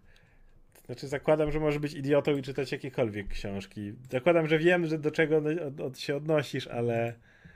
Ale ja No nie, jest, nie jestem wielkim fanem tego, co powiedziała Olga Tokarczuk. Wydaje mi się, że wiesz, nie powinno być w ogóle. Ja wiesz, rozumiem, że do pewnych rzeczy potrzebujesz większych kompetencji, ale z drugiej strony takie książki jak książki Olgi Tokarczuk powinny otwierać e, czytelnika na to, żeby coś poznał, żeby spróbował je odkodować, zrozumieć. Nie musi mieć od razu narzędzi, które, którymi będzie odkrywał wiesz, pokłady niesamowitych, niesamowitej treści, która się tam znajduje, tylko po prostu przeczyta i coś z tego wyniesie już, od tak, nie? Więc ja nie uważam, że to, co powiedziała Olga Tokarczuk jest zasadne jakoś, ale może sobie uważać tak, nie? To jej, jej wiesz, sprawa. E, Benjamin pierdzi. Cześć, co słychać u komiksowych X-Men i komiksowego Batmana? Pozdro. U komiksowego Batmana nic się nie zmieniło od czasu, kiedy czytaliśmy ostatni numer, kiedy Tim Drake zostaje totalnie u e, Zdarskiego potraktowany nie najlepiej. X-Men Mało dziś zacząłem czytać pierwszy numer Judgment Day, ale ja nie czytałem Eternals, więc muszę ich nadrobić, bo dla mnie wątek Eternals jest kompletnie obcy. Ale sama ta idea tego ataku Eternals na X-Men na razie wydaje się całkiem ciekawie przebiegać, więc, e, więc zobaczymy. Natomiast jeśli chodzi o. To, to, z X-Men jest tak samo. Legionnaires się czyta super. O kurde, rozmowa Juggernauta z Legionem ostatnio była tak super. Jak siedzi taki smutny Juggernaut i podchodzi na jego Legion i co tam słychać Juggernaut? On mówi, dla ciebie to mów mi wujek Kane albo Uncle C. E, I mają taką rozmowę, że tam on mówi mu, że no, gadałem z Xavierem i Xavier mu powiedział, że mógł mi moje tam złe wspomnienia usunąć, bo to Xavier najłatwiej, najprostsza droga. Ale że to zrobi, jak ja odejdę z Legionnaires, bo Xavier, jak się okazuje, nie chciał Juggernauta w Legionnaires, ale chciał go mieć na Krakoi, bo nie dlatego, że kocha brata, tylko dlatego, że tu ma go pod kontrolą i mniej strania się z nim niż jak jest w świecie. A Legion mu dał szansę. I Juggernaut jest tak popo... Ja, ja strasznie lubię, zawsze lubiłem Juggernauta, kiedy był pisany tak jako coś więcej niż ten typ, co biegnie i rozwala mury. No, ja Więc- też, ja też. Ja ba- bardzo lubię tą postać, więc e, no u X-Men dalej. Legionnaires, X-Men Red jest dalej rewelacyjne. Uważam, że Immortal X-Men jest fantastyczne. Gala była ok. E, czytałeś Galę, nie? Tak, tak, tak. Gala, ale wiesz, Gala była Wiadomo, okej. miała naleciałości z niektórych innych miejsc, ale... Tak, tak ma, ma dużo fajnych rzeczy, ale też dużo, które są duganowskie na maksa, które... A. Joe Przesada. Ja, ja chciałem jeszcze tylko No. powiedzieć, że tak, e, Zack Snyder w e, odpowiedzi na nasz materiał zaczął reżyserować moją kamerę w tej chwili. Co sądzicie o anime Księżniczka Kamononoke? Było to pierwsze anime chyba w historii, na jakim byłem w kinie. To też było jedno z pierwszych, które zobaczyłem. Ja lata nie oglądałem książki Mononoke. Ja Pamiętam, że to... dalej pamiętam, jak, dobrze bardzo pamiętam, więc y, dalej zrobiła. No, Miyazaki miał to do siebie, że. To było też pierwsze anime Miyazakiego, jakie widziałem. Więc y, no, to był moment, w którym na mnie zrobił wrażenie. Wolę Spirited Away jak coś, które wyszło później. Uważam, że jest znacznie lepszym dziełem jego. Ale Mononoke zrobiła na mnie duże wrażenie. Mówię, To był pierwszy anime, na jakie byłem w życiu w kinie i, i ze mną zostało w jakiś sposób. Ten dalej pomysł na to, jak ten duch lasu wyglądał, wiadomo, nie, Miyazakiego to prze, przesłanie były. ekologiczne jest fantastyczne, nie? Ja mówię, ja mam film Miyazakiego, który bardziej wolę. Moim ulubionym w ogóle jest Nausicaa z Doliny Wiatru. To jest absolutnie fenomenalny film. Ja chyba Ale-. Spirited Away u mnie cały czas. No, ale ja doceniam praktycznie każdy film Miyazakiego. I z Mononoke też bardzo dobrze wspominam, ale musiałbym sobie przypomnieć. Ja dobrze pamiętam. E, Lady Bro... Okej, Lady Brookbet. Oskar, gdy widzisz Radka pojawiającego się na innych kanałach, to czy czujesz zazdrość? Nie, że Właśnie zazdrościsz bywania, tylko że chciałbyś mieć Radka tylko dla siebie. Nie no, wi- wiadomo, jak Radek się pojawia u innych, to, to od razu mu potem Radek 10% mniej. Tak, Wszystko tak, z, tak. ti- z tipów, Radek za każdym razem jak jest Tak, gdzie za- to zdajesz sobie sprawę, że traci 10% tipów. Za każde, za każde moje pojawienie się muszę trzy dodatkowe materiały zrobić w tygodniu tutaj. Tak, Tak, tak więc teraz zostaniecie sześć w przyszłym tygodniu. Jeszcze drugie pytanko o ulubioną postać z serii książek Duna. Pozdrawiam. Ja, ja lubię tego. Czerwia? Le, leto, leto drugiego. Czerwia? Tak myślałem, że Tak, powiesz. oczywiście. że To jest, to jest najbardziej pojebany pomysł tych To książkach. Uwielbiam. To No. prawda. Ja uwielbiam, jak wiesz, ja też to, dla mnie się pierwsze książki zestarzały z Duny, nie? I ja nigdy Poza pierwszą. jakiś- Uważam, że pierwsza się nie zestarzała. E, Nie, ja uważam, że się zestarzała. Ja nie No. jestem w ogóle wielkim fanem Herberta, ale kocham te dziwactwa, które robił. God Imperek. Tak. Leto drugi jest najlepszą postacią. I czekam, jak go w filmach pokażą. Bo jak Villeneuve, wiesz- ciekawe, co wiesz będzie robił do tego momentu. Że Bo to nie jest, wydaje mi się, że to nie jest ten moment, który wiesz, bo Herbert siedzieli na tego przed i po tym momencie, Tak. nie? Więc wydaje mi się, że to może być już trudne dla Villeneuve'a, żeby zrobić z tego, wiesz, wielkie artystyczne kino i pokazać To będzie bardzo trudne. króla czerwia, nie? O, Bibru... Umówmy się, większość tej książki to typ siedzi i myśli, jak to zadaptować. tak, tak, tak. O. Bibru 78. Grałeś nie- nieznośny ciężar wielkiego talentu? Jeszcze nie, ale jest na nie. kupce wstydu z tego roku do obejrzenia, bo muszę to obejrzeć. mnie bardzo ja tak żałuję, że nie byłem w kinie na tym filmie. Ja nie, do końca roku na pewno obejrzę. Em, jedziemy dalej. Vex. Witam. Przychodzę z pierwszym donatem oraz ważnym pytaniem. Która Gwen jest najlepsza? Gwen Stacy z Spidermana? Gwen Tennyson z Ben 10? Czy Gwen z totalnej porażki? Raczej nie oglądałem Ben 10. Eee, przypomnieć, czym jest totalna porażka. Nie pamiętam, kurde. Okej, nie oglądałem totalnej porażki. Więc. E, więc oglądałem totalną porażkę, ale le- ledwo pamiętam. nie To już, to już, to już nie były te czasy, kiedy, kiedy, kiedy oglądałem rzeczy. To są animacje, które niestety te nie trafiły w moje pokolenie, bo.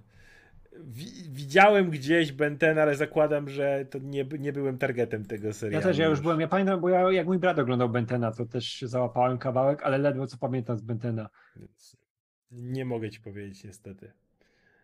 E, zabrali mi Pakistan. Łączę się w bólu. Kto by wygrał w boju? Ginny czy Gin- i Giniary z Miss Marvel, czy serialowi Inhumans? A może pogodziłaby ich policja? Przy okazji pytanie z najbardziej, czy w grze Final Fantasy był główny bohater o imieniu Boots?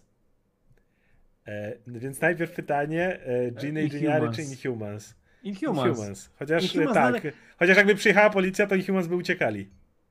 Jakbym miał do czegoś wrócić teraz i oglądać, to bym zobaczył te przygody Inhumans niż, niż No. te odcinki z dżinami, momenty z dżinami.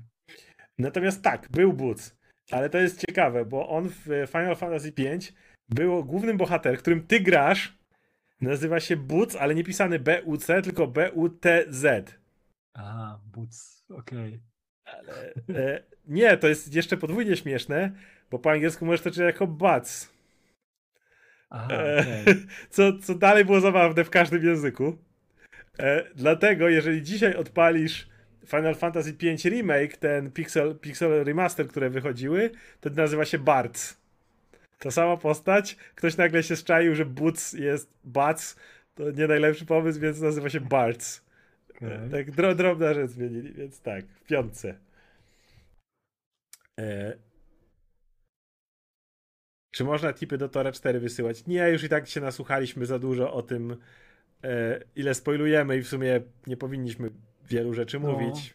Radkowi się wypsnęło raz i ja, ja mogłem Tak, jedynie po, mówić. po, po, sk- skaszaniliśmy dwa razy. Jak, Wiesz co, wiesz co, Konrad? będzie krótkie okienko. Jak wyjdzie na Disney Plus, to wydaje mi się, że wtedy mo- można gadać No. otwarcie.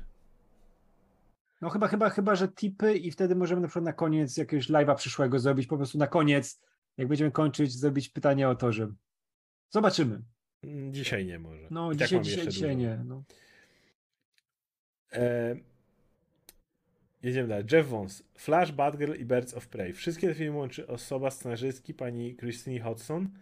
Pisała również Bumblebee. Może powinni jej dać z DC do ogarnięcia kreatywne części.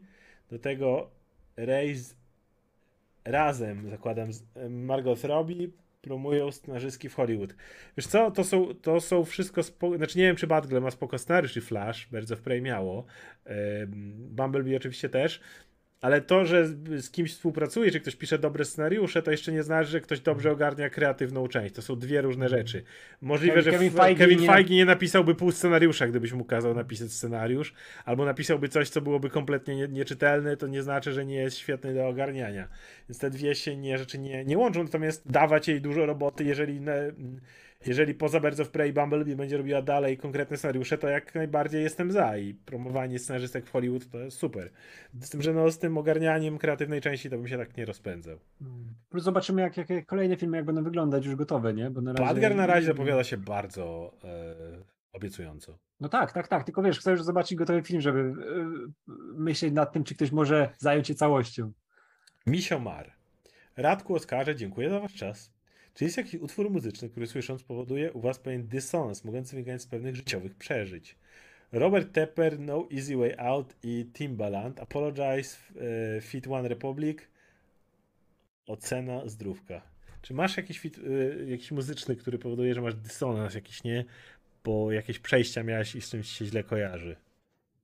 Wiesz co, jak pamiętam muzykę i związaną z jakimiś przejściami, to raczej bez dysonansu, bo są dobre wspomnienia. Też, też tak. I jak już to jak... słyszę muzykę i raczej tak. mam pozytywne. Negatywne jakoś wyparłem raczej. Tak, tak. Wiesz co, ja z, z głowy mógłbym pozytywne, nie wiem, Genesis, Invisible Touch, e, Despacito, Drago Stadin Tay, no, w ogóle wczoraj, wczoraj ten, e, przypomniałem sobie po 10 latach piosenkę, którą słuchałem 10 lat temu przez pół wakacji, bo naleciała przez pół wakacji. To była piosenka, którą Ula znienawidziła i to, to tutaj jest Uli dysonans, bo to jest piosenka, która, nie pamiętam tytułu, żeby tego nie powiedzieć, ale to jest takie, że typ śpiewa nosa, nosa, asima, dej, mata. Pamiętasz to, nie? A ktoś tam, coś tam. Ula tego nienawidziła, bo to całe wakacje to leciało, bo to była tak przyjemna piosenka i to był dysonans, nie mój. Ja, ja, miałem tak na przykład z, nie wiem, jak oglądasz, moje dzieciństwo to jest Metallica, więc jak e, poleciało Master of Puppets w Stranger Things, to mi się natychmiast odpaliło dzieciństwo, ale ja miałem pozytywne dzieciństwo, więc e, to nie jest coś złego. No. Wiesz co, może nie wiem, jakieś kawałki Linkin Park z okresu, kiedy byłem buntownikiem. Ale i, ja, dalej bym miał, ja dalej bym miał z tym dobre wspomnienia, tak, tak, na swój tak, sposób, ja ale Tak, dobre. bo wiesz, to są rzeczy, które mnie ukształtowały, nie? Mówię, Dokładnie. No, ciężko dysonans, nie? Ja też, wiesz, pewnie wyparłem rzeczy. Musiałbym długo pomyśleć, żeby coś takiego naprawdę, co mi się źle kojarzy. Pióro 78. Niesamowity świat Gubala, bardzo życiowy serial. E, znowu słyszałem o nim, ale nie oglądałem. Nigdy nie widziałem żadnego odcinku Gumbala. Nie. Bo to jest Gumbal, nie, nie Gubal. Chyba. Gumbal. Nigdy nie Nigdy... widziałem odcinka. No, mówię, jest... minęło mnie. E, Grande Maestro. Radku, czy obejrzałeś dokument Enio Wczoraj udało mi się złapać seans i jaki to jest piękny hołd dla muzyki filmowej. Polecam seans w kinie. Tak, kurczę, nie, nie miałem czasu, żeby iść do kina, ale mam dostęp e, recenzencki, e, dziennikarski do, do filmu i muszę sobie na spokojnie go zobaczyć, bo jestem bardzo ciekaw. Słyszałem same dobre rzeczy o nim. Carlo, Oskar, czy miałeś kiedyś kompleksy związane z łysieniem? Mój tata 50 lat i gęste włosy, może niestety wiek u 24 lat dopadło łysienie. Czy miałeś kiedyś przyczepię, czy nie było to dla ciebie problemem, mnie jednak mocno to uwiera. Szczerze mówiąc, bardziej mnie irytuje to, że jeżeli zacząłbym na przykład siedzieć bez czapki, to za przyzwyczailibyście się do mojego wyglądu i nigdy nie mógłbym go zmienić. To jest rzecz, której najbardziej lubię w łysieniu. To jest to, że jedyna opcja twojej fryzury to ogolić się na zero, no bo mi pozostają tutaj cały czas yy, jakby, wiecie jak, jak to wygląda, podkowa tak zwana, nie? Więc no, żeby nie wyglądać jak naukowiec po eksplozji, no to trzeba głowę golić na zero, co powoduje również, że musisz to w miarę często robić, jeżeli chcesz wyjść, no bo wyglądasz inaczej jak naukowiec po eksplozji, więc e, jeżeli mam powiedzieć o kompleksie, no to tak, jeżeli nie zetnę włosów i wyglądam w ten sposób, to no nie czuję się z tym najlepiej. Natomiast jak, jak zetnę na zero, no to nie, nie mam z tym problemu. Natomiast e, problem mam taki, że e, i powód, dla którego w ogóle nagrywam w czapce, to jest taki, że mogę zakładać różne czapki i mogę wyglądać różnie. To jest najlepiej, najważniejsza rzecz z posiadaniem włosów na głowie, to to, że nie masz stałego jednego wyglądu do siebie przypisanego. A najgorsza rzecz, jaka jest w, w tym, to fakt, że zawsze wyglądasz tak samo. I to jest mój jedyny, jedyna rzecz, której z tym nie lubię. Wyrobić, wyrobić markę, nie? Na wyglądzie. ale nie wiem, fakt, że możesz inaczej, inną mieć fryzurę, Nie, no czy nawet tak, za, tak, założyć tak. na głowę czapkę z innym logo, to już daje mi więcej fanu niż siedzenie i wyglądanie zawsze tak samo, więc to jest, to jest mój jakby jedyny problem z tym. E, no i mówię, i, i to, że jak przez jakiś czas, przez jakiś czas miałem dłuższe włosy, no to jak chwilę nie poszedłem do fryzjera, to wyglądałem trochę jak oszołom, ale z drugiej strony mogłem tak wyglądać, wystarczyło się dobrze uczesać i udawać, że jest ok, natomiast no, w tym momencie nie mam wyboru. Muszę się ściąć na zero, jeżeli, jeżeli mi włosy zaczną rosnąć, bo inaczej, no, mówię, naukowiec po eksplozji, szalony, to jest, to jest, to, to jest mniej więcej ten wygląd. E... Znaczy, ja nie mam problemu z tym, żeby jak, jak siedzę i jadę, a jadę tramwajem, jest gorąco, to nie jadę w czapce, bo mi się tak głowa poci, że Nie, no ja, ja, Oscara, więc- ja Oscara zawsze widzę bez czapki, jak się spotykamy i totalnie Walter White, sam z szacun, tak. no. No, Nie ma z tym problemu. Em, Krzysztof, ostatnio ograłem Arkham Knighta 100% z DLC i mam teraz fazę na nietoperza, więc parę z nim związanych pytań. Pierwsze, wiecie ile jest komiksów świata Białego Rycerza? Mam trzy. W sensie... Zakładam, że chodzi ci o tomy, które wydał Egmont. Aha, tak, tak, tak, to jest, czekaj, e, e, Ja, e, ja to Radek może wiedzieć. chyba będą trzy, bo jest ten pierwszy, później jest ten powrót z, z, z, z Azraelem, teraz wyszła Harley Quinn, miniseria i teraz w Ameryce wychodzi e, ta nowa. Jest coś Więc, nowego. tak, więc u nas trzy wydali. Znaczy dwie to jest główne i miniserię z, e, z Harley. Czy Tak wiecie, czy wydaje. wydanie zbiorcze dotyczące SUV, czy trzeba zbierać numery? Zakładam, że. Znaczy są, są zbiorcze. Jest, ale- e, Zakładam, jest- że nie ma żadnego omnibusa. To są dalej po prostu trady. jest omnibus e, Snydera, Scotta Snydera. Jest, tam jest 25 chyba numerów pierwszych Okej. komiksu i tam, tam jest I tam wszystko jest o osób. Tak, tak, Okej. tak. Jak ogólnie podoba Wam się uniwersum Białego Rycerza? Mi się początek podobał, ale na tyle, że chciałem zobaczyć tego. Nie, nie przeczytałem wszystkich tomów. Przeczytałem ten pierwszy do momentu, w którym Joker znowu trafił do więzienia, bo tam to przestało działać, czy jak to tam było z tym jego zmianą i hajtnął się z Harley. Chyba się zdążyli hajtnąć, nie? Zanim tam. I to, było, to był spoko pomysł, ale nie miałem. Ja nie mam często potrzeby wracać do takich uniwersów. Jakby ja lubię jako one-off. I, i, nigdy nie miałem potrzeby do niego wracać. Natomiast jako na jednorazowy pomysł był spoko. Znaczy, co, mi, mi się cały czas fajnie czyta. Teraz jest właśnie Beyond the White Knight, to fajnie działa, bo wprowadził nowe postacie. Jest, jest tutejsza wersja rozwinięta Nightwinga, Red Hooda jest bardzo fajnie poprowadzona. E, też ten Batman teraz jest stary, więc to też dodaje smaczku do całości. I ja lubię, jak wiesz, jak e, scenarzysta się tym bawi, bo może sobie pozwolić na więcej, to jest jego świat, nie? Już mu pozwalają robić co chce, bo to użarło, nie? Tego jeszcze będzie kilka serii pewnie i tam się dużo pozmieniało rzeczy, takie, że widać, że one mają konkretny wpływ na ten świat, bo teraz w ogóle się tam Batman Beyond pojawił, więc już jest grubo, Terry McGuinness E, i jestem ciekaw, co będzie dalej z tym. Plus rysunki są cały czas fantastyczne, nie? Więc y, ja sobie zbieram to i śledzę cały czas. I pytanie ostatnie. Czy nie uważacie, że Batman przyniósłby więcej profitów jako koń pociągowy HBO Max? Taki serial wielosezonowy, trochę akcji, trochę noir, można powiedzieć pełną galerię łotwórów, jak i rodzinę. Nie. I to jest Mm. coś, o czym y, mieliśmy pogadać, ale już mówię, pogadamy o tym niedługo, jak się z Netflixem więcej ułoży. Niestety streaming nie jest tak dużym dla pojedynczych marek dochodowym strzałem w dziesiątkę, jak mogłoby się wydawać. Wręcz już są głosy pierwsze, że HB, że na przykład Netflix strzelił sobie w stopę, nie wrzucając ostatniego odcinka Stranger Things do kin. Zarobiliby masę siana na tym. Mhm. E, Bat, The Batman, patrzę w tym momencie na box office, czyli ostatni film z Robertem Pattinsonem zarobił 770 milionów e, na, na świecie. To, żeby przeliczyć na to, ile, bo, bo żeby to uznać, to musiałbyś na początku uznać, ile ludzi, którzy do tej pory nie mieli HBO Max, weszli na HBO Max tylko po to, żeby oglądać ten serial o Batmanie, a potem jeszcze musiałbyś założyć, ewentualnie ile ludzi, którzy zrezygnowaliby z HBO Max tylko gdyby nie serial o Batmanie. Żeby widzieć takie liczby, Hmm. musiałbyś dużo, dużo, dużo dłużej. A pamiętaj, że to był film, który miał 3 godziny, więc miał mniej seansów. Batman. Problem jest taki, że Batman jest za dużą marką do tego, co opisujesz. E, Jak się okazuje, Superman przez wiele ruchów zmalał i nie jest tak dużą marką i to właśnie na przykład pana Zaslawa irytuje, ale sam Batman dalej jest ogromną marką. I prawda jest taka, że nie jest. Yy, nie opłaca się w tym momencie tak dużych marek wrzucać na streaming, ponieważ streaming cały czas nie przynosi. Wbrew jak myśleli teraz wszyscy, streaming będzie wielką przyszłością. Nie jest. Streaming jest dalej świetny dla alternatywą dla telewizji, nie dla kin.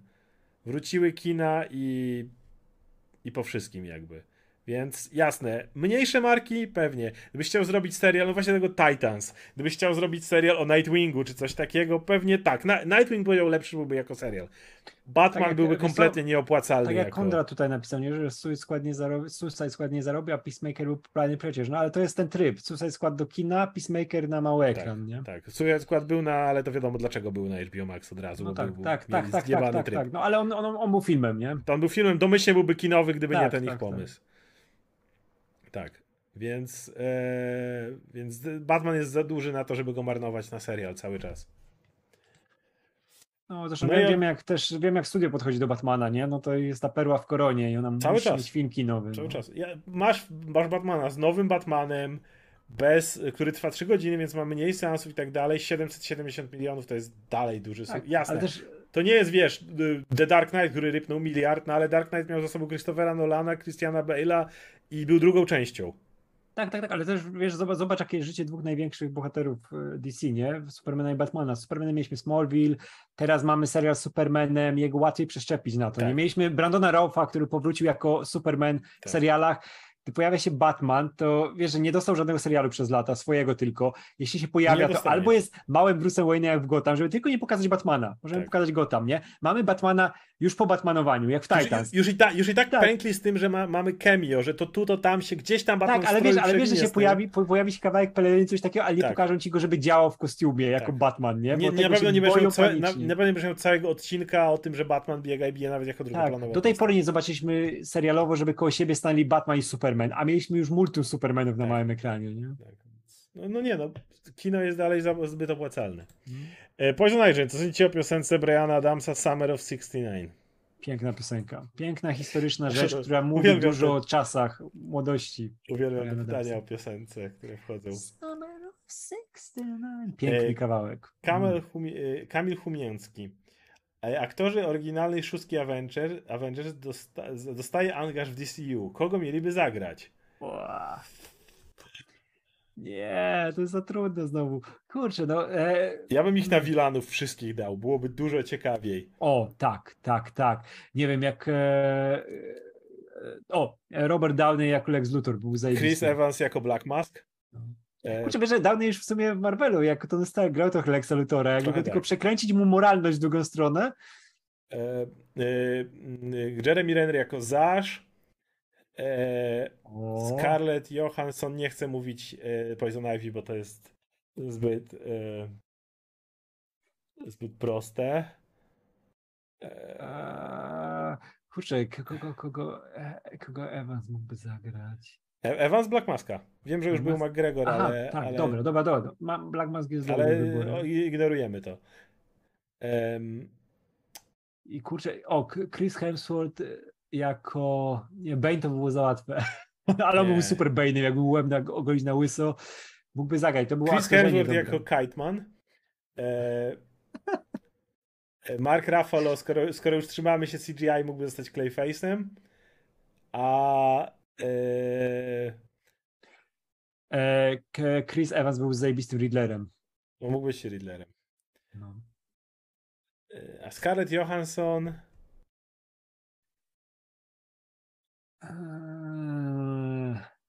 Też od razu ci przychodzą na myśl te najłatwiejsze, nie? Poison Ivy, nie? Ale Tak, tak, nie tak. chcę. Ona była idealną Poison Ivy. No i stworzona, żeby Tak, zagrać Poison. Ivy. Em, Powstaje Tak. polski film superbohaterski. Jeśli był dystrybuowany za granicą, w jakiej formie? Z napisami, dubbingiem, czy może od razu nagrany po angielsku? E, Jeżeli miałby być celowany na zagranicę, to byłby nagrany po angielsku. Już Polacy robili to nieraz ze swoimi Mhm. filmami przecież. Nie, nie, nie. Gdyby film byłby targetowany za granicę, przez sekundę nie pomyślałbym, że byłby. Były tam polskie dialogi, były tam wtrącenia polskie, ale byłby z grubsza po angielsku, bo Polacy już tak robili filmy. No, ja się zgadzam zupełnie. I Konrad. E... Ej, tym napakowanym Riddlerem serialowej Harley mógłby być Tak. Chris Evans. Totalnie. Albo Chris Hemsworth jako ten Riddler. Tak, Riddler. I Konrad, powiedzieliście, Mm. czołówka Hulk The Amazing, y, The Animated Series jest najlepsza, zgoda się, ale moim zdaniem włoska, made by George Giovanni, jest dużo bardziej, wiem, wiem, jest wholesome. Jest piękna, jest piękna. Ja Słuchaliśmy. widziałem, też ją widziałem. Tak. tak, jest fantastyczna. No ja ci nawet wysłałem, tak, wtedy sprawdzałem, mówię, patrz, super jest. Że Radek chyba widział Oscar, pewnie nie, nie, widzieliśmy, widzieliśmy obaj. Więc... Lekkie spoilery do wiecie czego.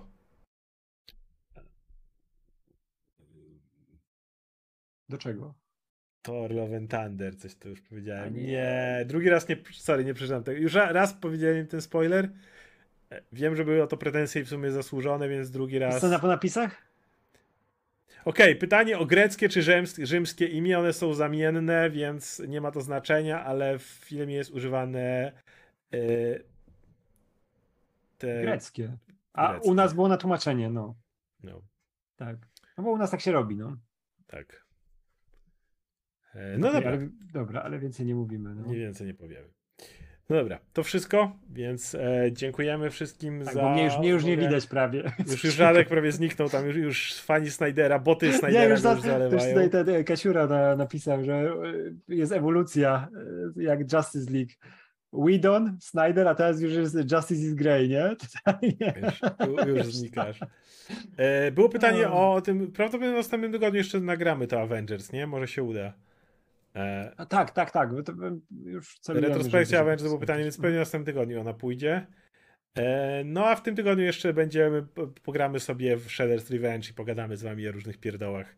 No. Więc będzie jeszcze jeden live, będzie Paweł Opydo i będziemy grać sobie w Shredder's Revenge. I Tak, niestety możemy- ten no, może- materiał nie pojawi się na podcastach, bo, prze- bo nagrałyśmy prawie 2,5 godziny, co powoduje, że y, jego jedyna dostępność będzie tutaj na YouTubie. Tak jak mówiłem, z ponad dwugodzinnymi materiałami jest problem tam No.